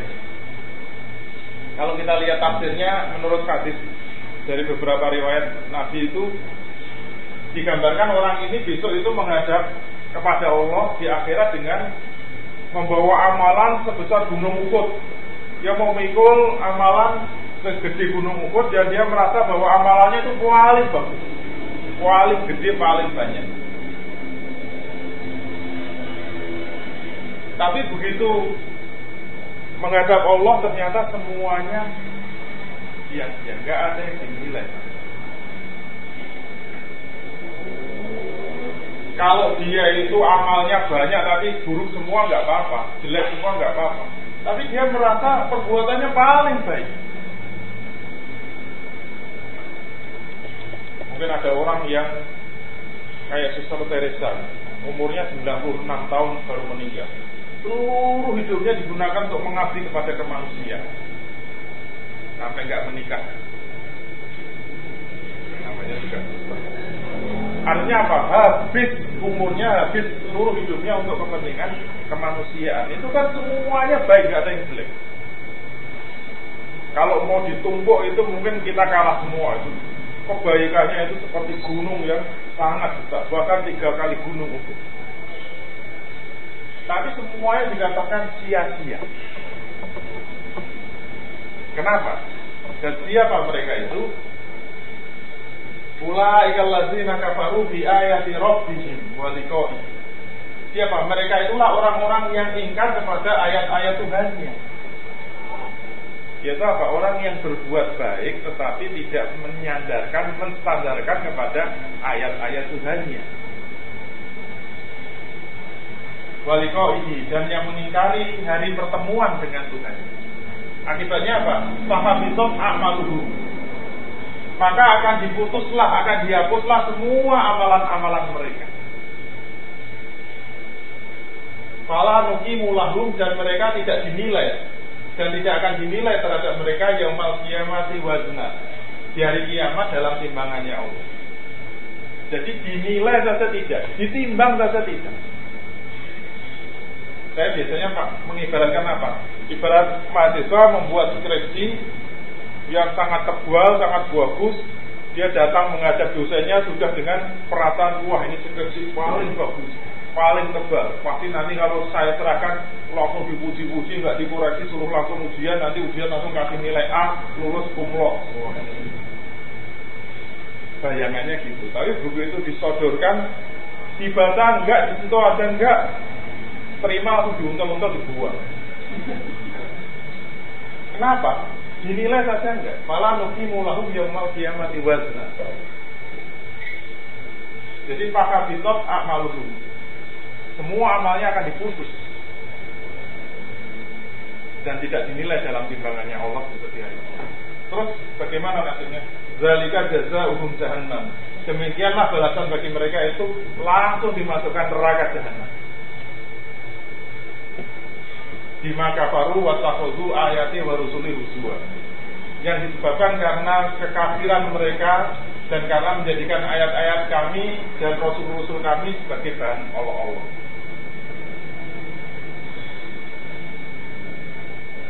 Ini terjemahannya. Katakanlah apakah akan kami beritahukan kepadamu tentang orang-orang yang paling merugi perbuatan? Yaitu orang-orang yang telah sia-sia perbuatannya dalam kehidupan dunia ini Sedangkan mereka menyangka bahwa mereka berbuat sebaik-baiknya. Mereka itu orang-orang yang kufur kepada eh, terhadap ayat-ayat Tuhan mereka dan kufur terhadap perjumpaan dengan Dia. Maka hapuslah amalan-amalan mereka dan kami tidak mengadakan suatu penilaian bagi amalan mereka pada hari kiamat. Demikian balasan mereka itu adalah neraka jahanam disebabkan kekafiran mereka dan disebabkan mereka menjadikan ayat-ayatku dan rasul-rasulku sebagai Allah-Allah. Nomor empat. Pendapat banyak orang. Manusia memang suka mengikuti apa kata orang banyak. Kemarin apa? Tren Apakah pendapat banyak orang itu akan memberi kepastian Baik dan buruknya perbuatan? Jawabnya apa? Ingatlah kisah Lukman dengan anak. Ini untuk membantah cukup satu kisah saja. Masih ingat kisah Lukman dengan anaknya? Ceritanya begini, anak-anak. Suatu ketika Lukman dengan anaknya pergi dengan membawa bekal. Sudah malam. Dongeng pengantar tidur. Suatu ketika Lukman dengan anaknya pergi dengan membawa bekal yang cukup banyak yang dibawa oleh seekor keledai. Karena Lukman sayang dengan anaknya, anaknya disuruh menaiki keledai dan dia berjalan kaki. Karena keledainya satu, bekalnya banyak, anaknya disuruh naik keledai, bapaknya jalan menuntut. Karena bapaknya sayang sama anak. Kemudian mereka melewati kampung yang pertama. Silakan dihitung, kampung nomor satu. Ternyata begitu masuk kampung pertama, mereka disela habis-habisan oleh orang-orang kampung. Dasar anak tidak tahu diri. Masa ayahnya suruh berjalan, jangan dia malah enak-enakan naik keledai kalau. Kan Akhirnya anaknya diturun-turun dan Lukman menaiki keledainya. Kenapa? Mengikuti kata orang banyak. Kemudian melewati kampung yang kedua. Jadi anaknya turun jalan kaki, bapaknya naik keledai. Masuk kampung dua nggak kalah meriahnya. Mereka langsung ditela oleh orang-orang kampung. Jasa bapak tidak tahu diri. Anaknya suruh berjalan, sedangkan dia malah enak-enak naik keledai. Akhirnya dituruti kan. Gimana nurutinya? Mereka berdua naik keledai. Akhirnya anaknya disuruh naik sehingga keduanya berada di atas keledai. Terus melewati kampung yang ketiga. melewati kampung yang ketiga, mereka ditelah habis-habisan orang kampung. Dasar manusia tidak punya peri kehidupan. Keledai kecil disiksa, bawa bekal yang banyak, malah ditunggangi dua orang. Apa tidak kasihan sama keledainya? Ini kan benar-benar tidak punya peri kehidupan. Akhirnya apa? Dua-duanya turun. Keduanya turun dan keledainya hanya dituntun oleh kedua orang itu masuk kampung yang keempat. Mereka ditelir habis bisa manusia bodoh. Keledai malah dituntut. Nggak dinaiki. Apa nggak sia-sia apa nggak lelah jalan kaki terus? Kalau keledai nggak dinaiki? Orang bodoh semuanya. Terus yang benar yang mana nuruti pendapat banyak orang itu semuanya relatif. Kesimpulan pendapat banyak orang relatif tidak bisa dijadikan standar yang bisa memastikan baik buruknya perbuatan. Apa kata Quran? Al-An'am 116.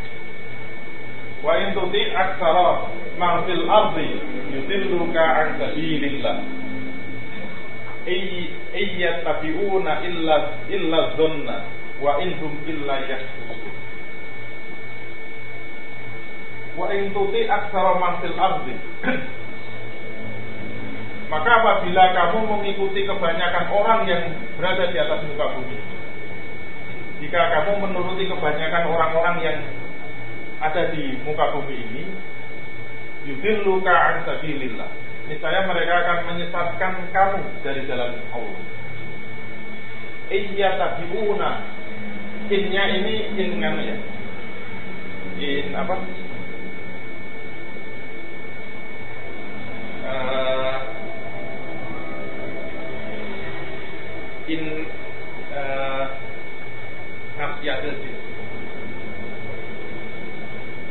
in untuk meniadakan semuanya ini itu artinya tidak. In nafi kayak la nafi itu kalau ditemukan dengan ilah kan la ilaha. Itu maksudnya menafikan semuanya. La ilaha itu tidak ada Tuhan. Kemudian ketemu huruf istisna kecuali. Jadi uh, in ini juga menafikan semuanya iya tabiuna maksudnya apa? Mereka itu tidak mengikuti kecuali la ilaha tidak ada Tuhan illallah kecuali Allah.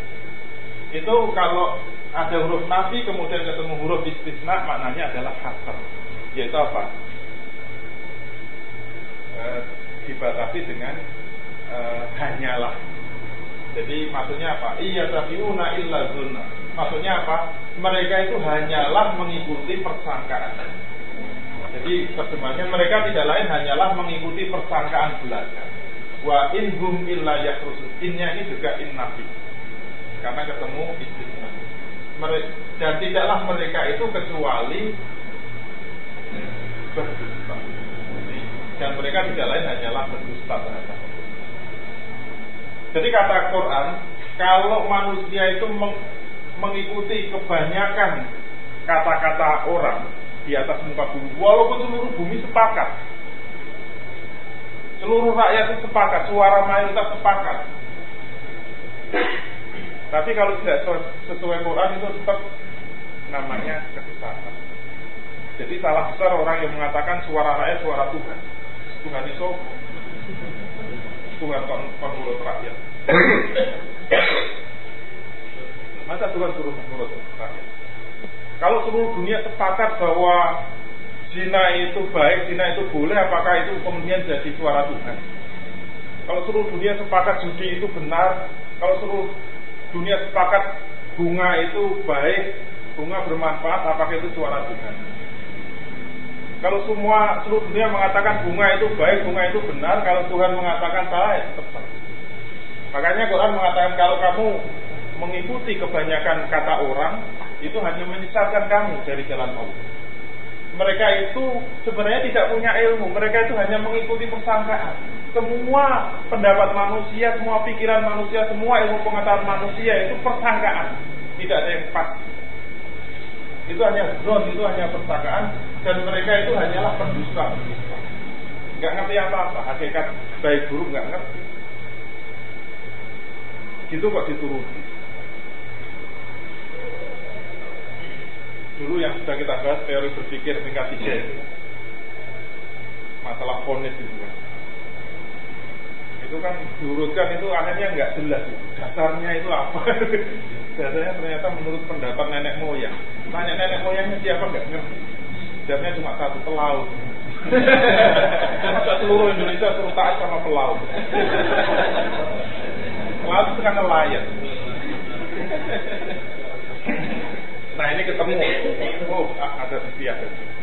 Yang kelima ada istiadat.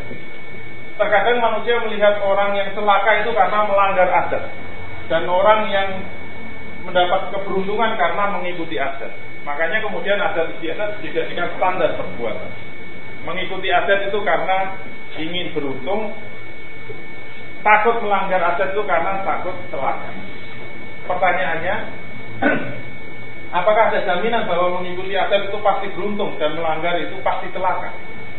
Jawabnya sama, relatif. Kemarin giwing gitu ya wakil ketemu pai. Itu mesti celaka. Nanti silakan diteliti apakah ada orang giwing yang tidak celaka? Ya mesti ada yang celaka juga ada. Semuanya relatif makanya dulu ada kiai yang berani menentang semua apa-apa yang dilarang di pantai selatan. Yang nggak boleh apa? Pakai pakaian hijau Silahkan pakai pakaian hijau ke pinggir pantai gitu.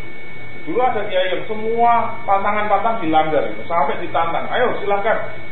Kalau memang ini dilarang mau di apa caplok Nyai Roro gitu mana Nyai Roro gitu. Jadi semua yang pantangan dilarang dilanggar ternyata enggak enggak apa-apa. Malah Nyai Roro dulunya malu.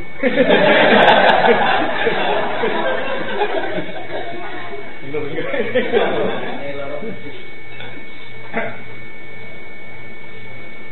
Bahkan akal manusia itu sendiri sangat sulit menghubungkan antara aset dengan dampak yang dikumpulkan, kecuali semuanya hanya serba kemungkinan.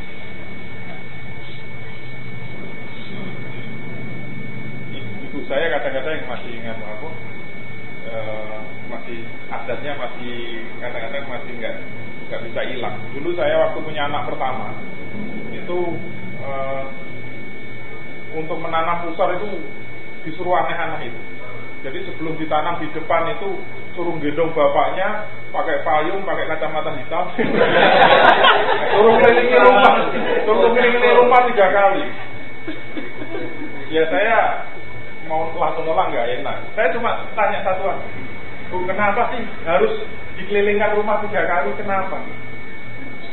Nggak bisa jawab ya dari dulu gitu. Nggak ada susah kalau nggak gitu kenapa? Ya nggak bisa jawab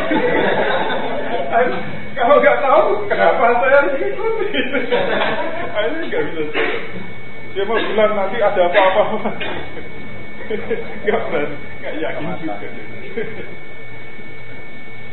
Kesimpulannya ada biasa tidak dapat dijadikan standar yang pasti untuk menentukan baik buruknya suatu perbuatan apa kata Quran?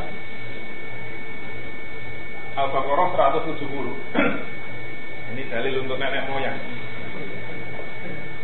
Wa idza qila lahum ittabi'u ma anzalallah qalu bal nattabi'u ma alfaina alaihi aba awalau kana aba'uhum la la ya'diluna syai'an wa la ya, ini ada pertanyaan Wa idza qila lahum ittabi'u ma anzalallah dan apabila dikatakan kepada mereka ittabi'u ma anzalallah, ikutilah apa-apa yang telah diturunkan oleh Allah kepada kamu sekalian. Jadi apabila dikatakan kepada mereka ikutilah apa-apa yang telah diturunkan oleh Allah. Lalu mereka semua menjawab bal nastabihu ma alfaina alaihi aba'ana. Mereka semua menjawab tidak, tetapi kami hanya akan mengikuti apa-apa yang telah kami dapati dari perbuatan nenek-nenek moyang kami. Jadi kalau disuruh mengikuti apa yang diturunkan oleh Allah, disuruh disuruh untuk mengikuti syariat Allah, mereka mengatakan tidak. Kami lebih suka mengikuti apa pendapat nenek moyang kami. Jadi kalau suruh mengikuti syariat malah nggak mau.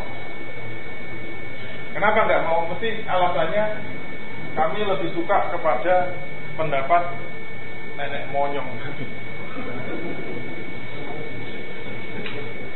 Maka pertanyaan dari Allah awalau kana abauhum la yaqiluna syai'a wa la Apakah mereka tetap akan mengikuti juga walaupun nenek moyang mereka itu tidak mengetahui sesuatu apa pun dan mereka itu tidak mendapatkan petunjuk jadi nenek moyang itu nggak ada yang ngerti, nggak punya ilmu pasti ikut. Dan mereka juga tidak mendapat petunjuk. Uri-uri budaya, budaya apa? Diuri-uri kok. Nggak ada dasar. Terakhir, oh, kalau terakhir ya. Mengikuti undang-undang. Orang yang melanggar undang-undang memang akan langsung merasakan dampak hukuman di dunia ini oleh negara. Yang harus diingat adalah undang-undang itu dibuat berdasarkan kesepakatan mayoritas manusia. Apakah kalau suara mayoritas sudah menetapkan sesuatu itu pasti akan berdampak baik pada manusia? Apakah kalau suara mayoritas melegalkan pajak, melegalkan bunga, melegalkan aborsi, melegalkan judi, melegalkan prostitusi, melegalkan hubungan seks bebas, apakah itu pasti akan baik bagi manusia? Jawabnya seperti pembahasan sebelumnya. Pendapat manusia walaupun mayoritas tetap relatif tidak dapat dijadikan standar untuk memastikan dampak baik buruknya bagi manusia, baik jangka pendek, jangka panjang maupun jangka panjang. Komentar Al-Quran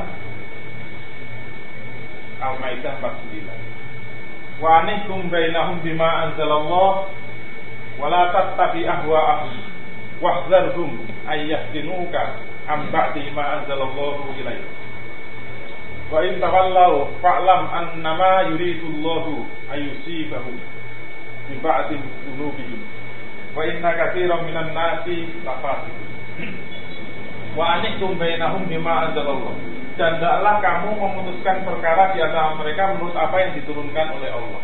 Jadi yang penting dari ini adalah ada kata bainah perkara di antara manusia. Berarti ini aturan manusia dengan manusia lain. Jadi kalau ada yang mengatakan bahwa Islam itu hanya diturunkan untuk mengatur individu-individu manusia itu tidak benar. Islam itu juga diturunkan untuk mengatur problem interaksi manusia dengan manusia lain. Itu maksudnya dalam kehidupan bermasyarakat dan bernegara. Maka perintah Allah putuskanlah hukum di antara mereka itu dengan apa yang diturunkan oleh Allah. Terus dilarang apa? Wala wala tatabi ahwa Dan janganlah kamu mengikuti hawa nafsu mereka. Ingat yang disebut itu hum, berarti jamak. Jadi lawan dari hukum yang diturunkan oleh Allah itu adalah hukum yang dibuat hawa nafsu mereka. Mereka itu siapa? Anggota parlemen. Kalau saya menafsirkan gitu. Tafsir kontemporer. Jadi bukan hawa nafsu individu, bukan hawa nafsu hakimnya, bukan hawa nafsu pemimpinnya. Jadi bukan hawa nafsu penguasa, tapi hawa nafsu mereka. Mereka siapa? Yang membuat hukum. Yang membuat hukum itu kan parlemen. Jadi perintah Allah janganlah kamu mengikuti hawa nafsu mereka wahzadum dan berhati-hatilah kamu terhadap mereka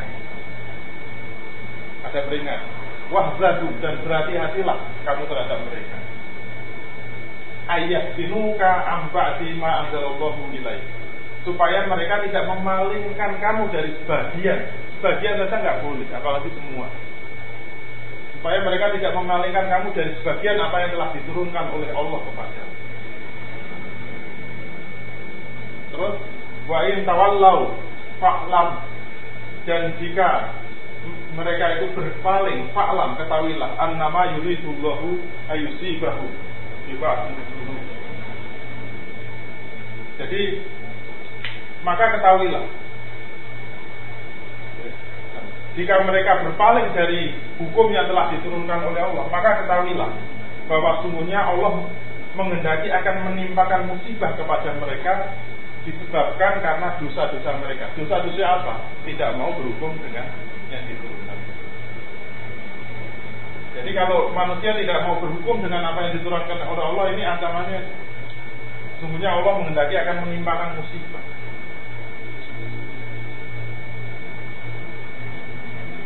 Wa inna katsiran minan nasi lafasikum. Dan sesungguhnya kebanyakan manusia itu adalah orang-orang yang fasik. Orang-orang fasik itu apa? Yang masuk kategori orang fasik itu adalah orang Islam juga. Orang Islam tapi tidak mau berhukum dengan hukum Allah itu orang fasik. Maka pilihannya orang yang tidak mau mengikuti hukum Allah kan tiga. Uh, Fahkum bainahum bima anzal eh, apa? Enggak yang Wa mal lam yahkum bima anzalallah faulaika humul fasiqun faulaika humuz zalimun faulaika humul kafir. Jadi baik fasik maupun zolim maupun kafir itu sama-sama tidak mau mengikuti apa yang dilakukan. Tapi derajatnya tidak.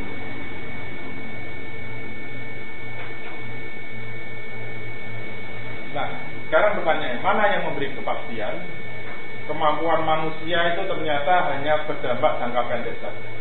Tidak mampu menjangkau dampak jangka panjang maupun jangka panjang sekali di akhirat. Kesimpulannya, seluruhnya adalah relatif. Maka manusia membutuhkan standar yang pasti. Pasti baik untuk jangka pendek, jangka panjang maupun jangka panjang sekali. Ini yang sebenarnya dibutuhkan. Dari mana manusia dapat memperoleh yang pasti? Jawabnya dari Al-Quran. Kenapa? Fungsi Al-Quran itu menghilangkan relativitas yang muncul dari pendapat manusia. Tadi sudah kita bahas panjang lebar, semua pendapat manusia relatif. Fungsi diturunkan fungsi diturunkannya Al-Quran itu menghilangkan relativitas. Dari mana kita tahu? Dari firman Allah, yaitu surah Al-Baqarah 213. Kanan nasu ummatan wahidah.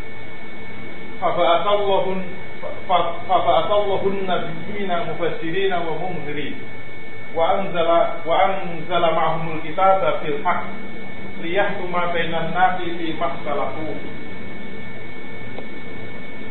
Kanan nasu ummatan wahidah manusia itu adalah umat yang satu. Jadi dulu manusia itu berasal dari manusia yang satu.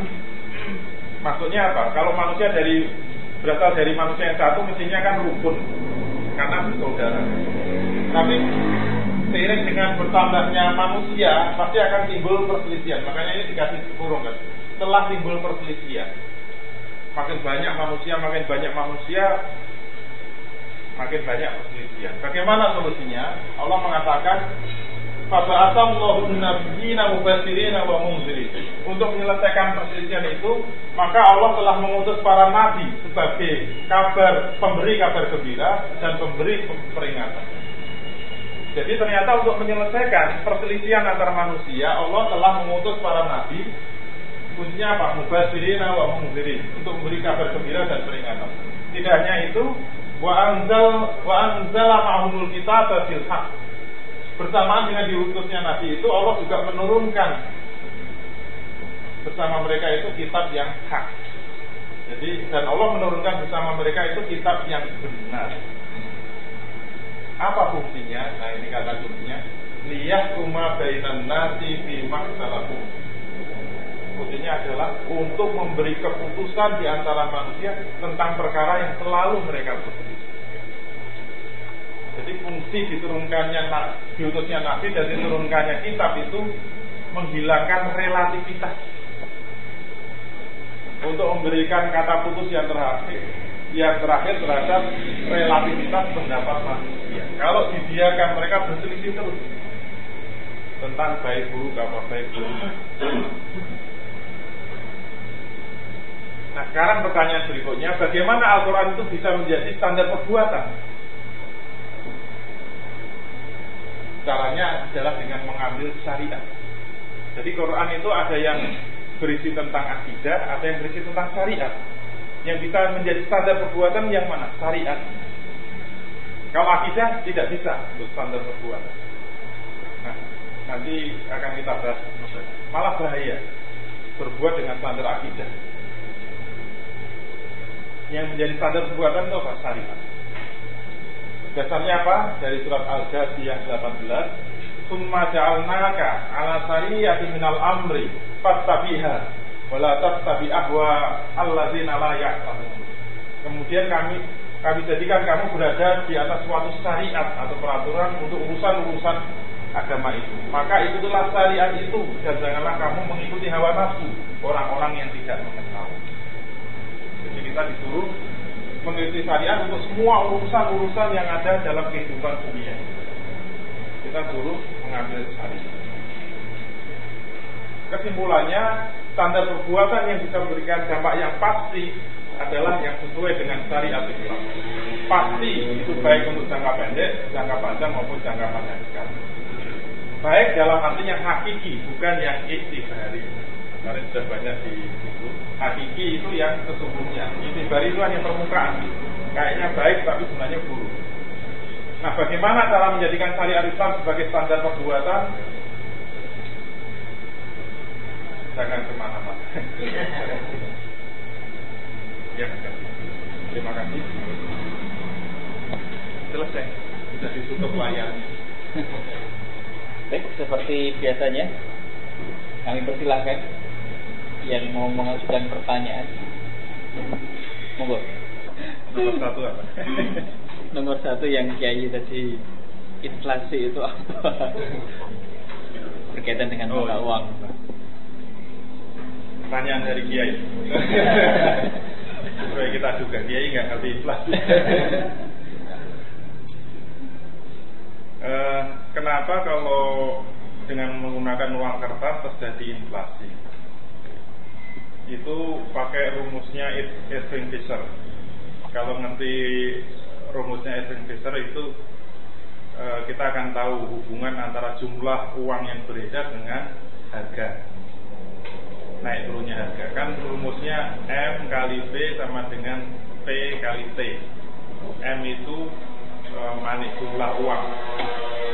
P itu velocity of money kecepatan perputaran uang kemudian P itu adalah harga T itu transaksi maka kalau secara matematis bisa di, di, dilihat hubungan antara M dengan P. M dengan P itu kan apa? Eh, bisa kita lihat berarti kalau M besar maka P besar kan. Jadi maka secara matematis kalau pemerintah itu menambah jumlah uang beredar berarti M-nya membesar itu pasti nanti harga-harga itu akan naik. Itulah yang disebut inflasi. Itu inflasi kalau di dalam teori ekonomi inflasi karena demand demand pull inflation karena DPI. Walaupun ada inflasi jenis kedua yaitu DPI cost push inflation. Tapi yang populer memang yang DPI. Jadi e, secara matematis setiap ada penambahan jumlah uang itu pasti akan membuat eh, harga itu naik pasti. Itu kalau nggak nggak percaya diuji cobakan aja. Misalnya harga itu dina, eh, jumlah uang dinaikkan dua kali lipat nanti eh, apa harga akan naik dua kali lipat. Karena itu persamaannya kan apa? Ya, linear sisi kanan dan sisi kiri harus sama. Eh, oleh karena itu emas itu juga berlaku untuk emas dan perak.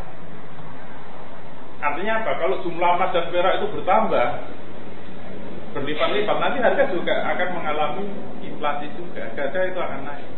Itu berlaku karena itu rumusnya sudah matematis. Cuma sekarang pertanyaannya, mungkinkah emas itu bisa bertambah dengan cepat? Cuma itu. Makanya kalau kita belajar ekonomi, tidak hanya tidak hanya ekonom-ekonom konvensional, tapi uh, Imam Ghazali itu yang dikenal ahli sufi itu ternyata juga pakar ekonomi juga. Dia mengarang satu kitab namanya Az-Zahab. Emas, judulnya emas. Dia uraikan semua dalil-dalil tentang emas, terus fakta-fakta tentang emas, terus dari akhir kitab itu Imam Ghazali mengatakan apa rahasia Allah menciptakan emas di atas muka bumi ini? Ternyata menurut Imam Ghazali rahasianya cuma satu. Ini menurut pendapat Imam Ghazali. Rahasia Allah menciptakan emas itu ternyata hanya untuk satu tujuan, yaitu untuk menjadi mata uang. Karena dari kajiannya Imam Ghazali, satu-satunya mata uang yang ideal, yang memenuhi persyaratan sebagai mata uang itu hanya emas. Kan ekonomi mengajarkan syarat mata uang itu apa? Yang pertama? Harus disukai oleh semua orang. Semua orang harus suka dengan mata uang. Kalau ada yang nggak suka, maka nggak bisa memenuhi syarat mata uang ideal. Yang kedua, mata uang ini harus stabil. Artinya dibawa ke mana-mana nggak berkurang, tidak mudah berkarat dan sebagainya. Yang ketiga, harus langka. Harus langka. Kalau kayak batu setiap jalan kesandung batu. Uang kan enggak lah dan seterusnya. Intinya ternyata emas itu memenuhi semuanya gitu. Disukai semua orang bersifat stabil dan langka. Tidak mungkin ada tambang itu bisa nemu emas sampai segunung nggak? Di Freeport saja itu yang gunung itu gunung tembaga gunung, bukan gunung emas. Emasnya tetap hanya 0,0 berapa persen Berarti di mana-mana yang namanya tambah emas selalu sedikit. Dan emas itu logam mulia. Logam mulia itu tidak bisa mengalami oksidasi, tidak bisa mengalami. Oleh karena itu, karena emas memiliki sifat seperti itu, maka kalau mata uangnya emas tidak butuh otoritas moneter, tidak perlu ada bank sentral, tidak perlu ada pengendali moneter. Emas dibiarkan jalan itu sudah bisa mengendalikan dirinya sendiri karena emas itu laki-laki. Kalau mbak itu harus dikawal. Kalau emas itu mandiri ke mana-mana nggak perlu dikawal. Jadi kalau mata uang kembali kepada emas dan perak itu tidak perlu ada otoritas moneter. Dan tidak perlu mata uang dicetak oleh negara. Kita pakai apa saja, pakai kancing baju, pakai gigi palsu juga bisa untuk jual beli itu kelebihan emas. Berarti nilai intrinsik dan nominalnya itu sama, stabil dan anti inflasi. Dan itu terbukti dalam sejarah 1500 tahun e, dinar dan dirham itu stabil. Terhadap stabil itu harus diukur jangan terhadap mata uang ya. Kalau kita kenal emas naik turun itu terhadap uang kertas, bukan terhadap komoditas. Makanya kalau kita mengatakan emas tidak stabil, emas naik, emas turun, berarti emas juga tidak stabil. Yang tidak stabil itu uang kertasnya, bukan emas. Karena kalau digunakan untuk beli barang, dari zaman Nabi sampai sekarang, yang namanya satu dirham itu ya satu ayam kampung, bukan ayam kampung. dari dulu satu di, satu dirham untuk beli ayam sampai sekarang juga satu dinar itu untuk beli kambing yang besar atau kambing yang kecil dua itu dari dulu sampai sekarang tetap. Berarti stabil sih. 1500 tahun tidak mengalami. Beda dengan rupiah. Saya waktu kuliah itu baru tahun 90-an 100 rupiah itu komplit itu nasi sama lauk sama sayur. 100 rupiah. Saya ingat karena kalau pagi itu bandingan 100 rupiah. Satu kos-kosan seribu itu sudah sepuluh bungkus. Sekarang seribu tidak satu bungkus saja nggak ada, kecuali nasi kucing. Namanya kita kucing. Berarti baru berapa tahun, 10 tahun atau 20 tahun nilainya sudah mengalami penurunan 2000 persen. Belum ada 2000 tahun, baru 20-an tahun, 10 tahun itu sudah jatuh. Penyebabnya hanya satu, karena pencetakan mata uang keras itu tidak terkendali. Tidak terkendali. Termasuk dolar itu nyetak isak kepenak dewi enggak ada. itu masalahnya kan pengendalian. Iya, makanya ada otoritas moneter itu fungsinya mengendalikan. Jadi dia harus menjaga. Maka salah satu instrumen pengendali moneter itu yang paling diandalkan kan suku bunga. Yang bisa dia main-mainkan untuk mengendalikan inflasi itu suku bunga. Kalau inflasi tinggi itu bunga harus dinaikkan. Karena kalau bunga dinaikkan jumlah uang beredar akan ketarik di bank. Jadi untuk mengurangi jumlah peredaran uang itu dengan menaikkan suku bunga. Itu yang disebut otoritas moneter untuk mengendalikan. Yang bisa instrumen yang bisa dilakukan Tapi ketika inflasi turun karena bunga tinggi itu akan menimbulkan apa stagnasi ekonomi. Jadi pertumbuhan ekonomi melambat karena orang takut ambil kredit. Solusinya apa? Bunga harus diturunkan. Kalau bunga diturunkan, inflasi mesti naik.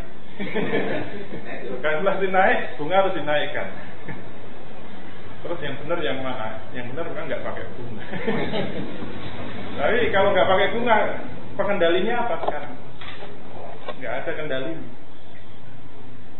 Jadi uang kertas itu memang sejak lahirnya itu sudah dari rahimnya haram sebagai bayi yang haram.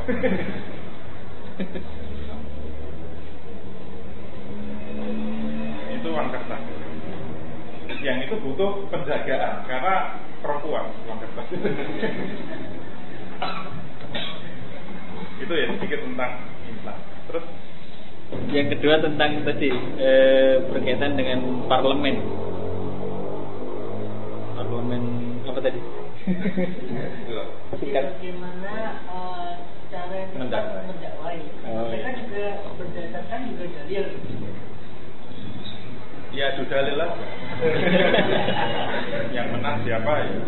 Tergantung tergantung pertandingannya. itu ya jawabnya. Satu menit itu. Nggak ada. ya semua orang mau pakai dalil. Ya nggak apa-apa itu dalil.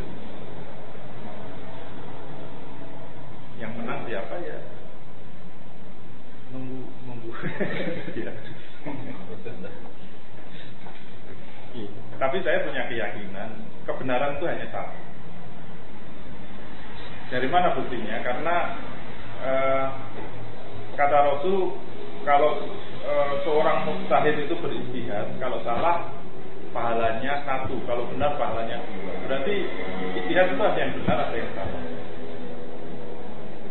Tapi ingat, ini hanya berlaku untuk istihad dari seorang mustahid. Maka untuk yang bukan mustahid kalau beristihad walaupun benar tetap salah. Karena itu kebetulan benar. Kebetulan benar itu tetap salah. Berarti kesimpulannya apa kebenaran itu tetap salah. Nggak mungkin sesuatu yang berlawanan kedua-duanya benar itu enggak. Misalnya kita katakan demokrasi itu haram. Nggak mungkin demokrasi itu haram dan halal nggak mungkin. Walaupun sama-sama pakai dalil. Tapi saya yakin tetap kebenaran itu satu. Kalau kita yakin ada kebenaran dua, padahal itu bertentangan, itu hanya orang gila. Dan itu mesti frustrasi terus. Maka kita harus yakin kebenaran itu satu. Maka Imam Syafi'i menasihatkan kalau kalian sudah berpendapat, maka yakinlah bahwa pendapat anda itulah yang paling benar. Yang lain salah. Walaupun ada kemungkinan benar pendapat orang lain. Itu prinsipnya Imam Syafi'i. Semua pendapat saya itu benar, yang lain salah. Walaupun ada kemungkinan benar, walaupun ada kemungkinan pendapat saya salah. Dan pendapat kamu semuanya salah, walaupun ada kemungkinan. Kalau nggak begitu kita nggak bisa beribadah selamanya. Kita jadi imam, baca surat Fatihah, itu basmalahnya dikeraskan atau tidak. Kalau kita lihat pendapat mustahid itu ada tiga hukum. Ada yang mengatakan haram dibaca keras, ada yang mengatakan makruh dibaca keras, ada yang mengatakan sunnah dibaca keras, eh malah empat, ada yang wajib dibaca keras. Masa ada yang haram, ada yang wajib. Terus yang benar mana? Malah nggak bisa sholat gitu. Kalau ragu-ragu. Tapi sayangnya yang benar tetap satu. Dan itu bisa kita teliti dari dalil-dalilnya. Setelah kita yakin, maka kita pilih pendapat itu dan amalkan. Gitu ya. Terus. Tapi itu nanti akan masuk pembahasan pembahasan minggu-minggu berikutnya kan kita akan masuk hukum syariat. Sebenarnya cara menggali hukum syariat itu gimana? Termasuk kebingungan kita kenapa banyak pendapat. Nah inilah yang kita bahas. Jadi ini forum tidak ingin memberi bapak-bapak sekalian itu pisang goreng. Tapi kita forum ini diajak oleh Pak Ahmed itu membuat pisang goreng.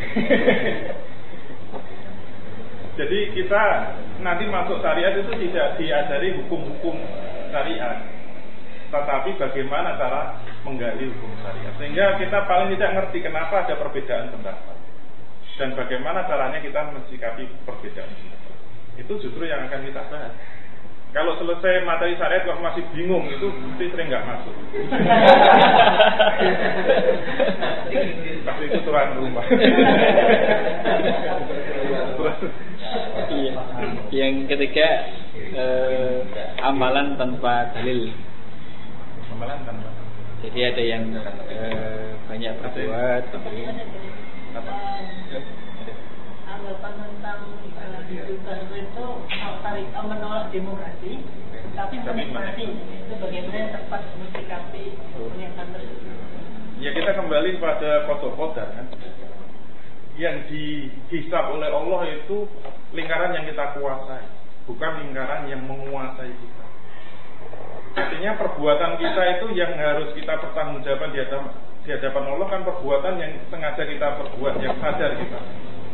Jadi menolak demokrasi itu kan di bawah kesadaran kita. Itu Tahrir itu sadar dan akan melakukan dakwah untuk menolak demokrasi. Kok kebetulan demokrasi membuat kita itu menjadi bebas berdakwah. Itu kan tidak dihisap oleh Allah.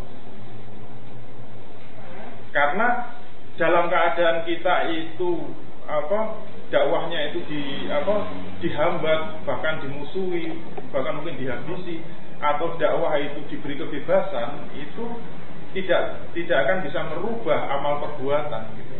Artinya kalau memang itu wajib kita berdakwah untuk menolak demokrasi dalam keadaan apa pun harus kita jalankan karena itu yang dihisap.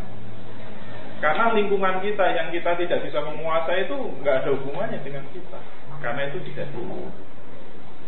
Jadi pertanggungjawaban kita itu terhadap apa yang kita pahami itu kita amalkan atau tidak. Masalah ketika beramal itu lingkungan itu mendukung atau tidak, ya itulah bukan lingkaran yang kita kuat dan itu nggak ada hubungannya. Itu hanya ujian saja kan. Ujian itu kadang naik, kadang-kadang. Kadang-kadang menguntungkan, kadang-kadang masa perjuangan itu apa e, mengerikan terus kan kadang-kadang yang menyenangkan gitu. Masa kita nangis terus kadang-kadang kadang-kadang makan bersama. Gitu ya. Jadi harus ngerti e, lingkaran perbuatan kita. Ya kalau pas kita dakwah kemudian situasi menguntungkan ya kita syukur. Kalau situasi itu menghambat ya harus sabar ya. Intinya cuma dua itu dan tidak merubah apa pun dari pemahaman. Terus? Eh, ini mengingatkan. Sudah hampir jam setengah sebelas. Dan kasihan nasinya sudah dingin. Minta segera dinikmati nasinya. Oh, iya. sambil menikmati. Jadi untuk ini untuk pertanyaan yang keempat sampai keenam nanti dilanjutkan minggu depan. Ya, biar masuk lah. Iya. Terutama yang tadi semakin Jadi kepada rekan-rekan semua, ya, untuk pertemuan malam hari ini kita cukupkan sekian. Mari kita akhiri dengan baca hamdalah dan doa majelis.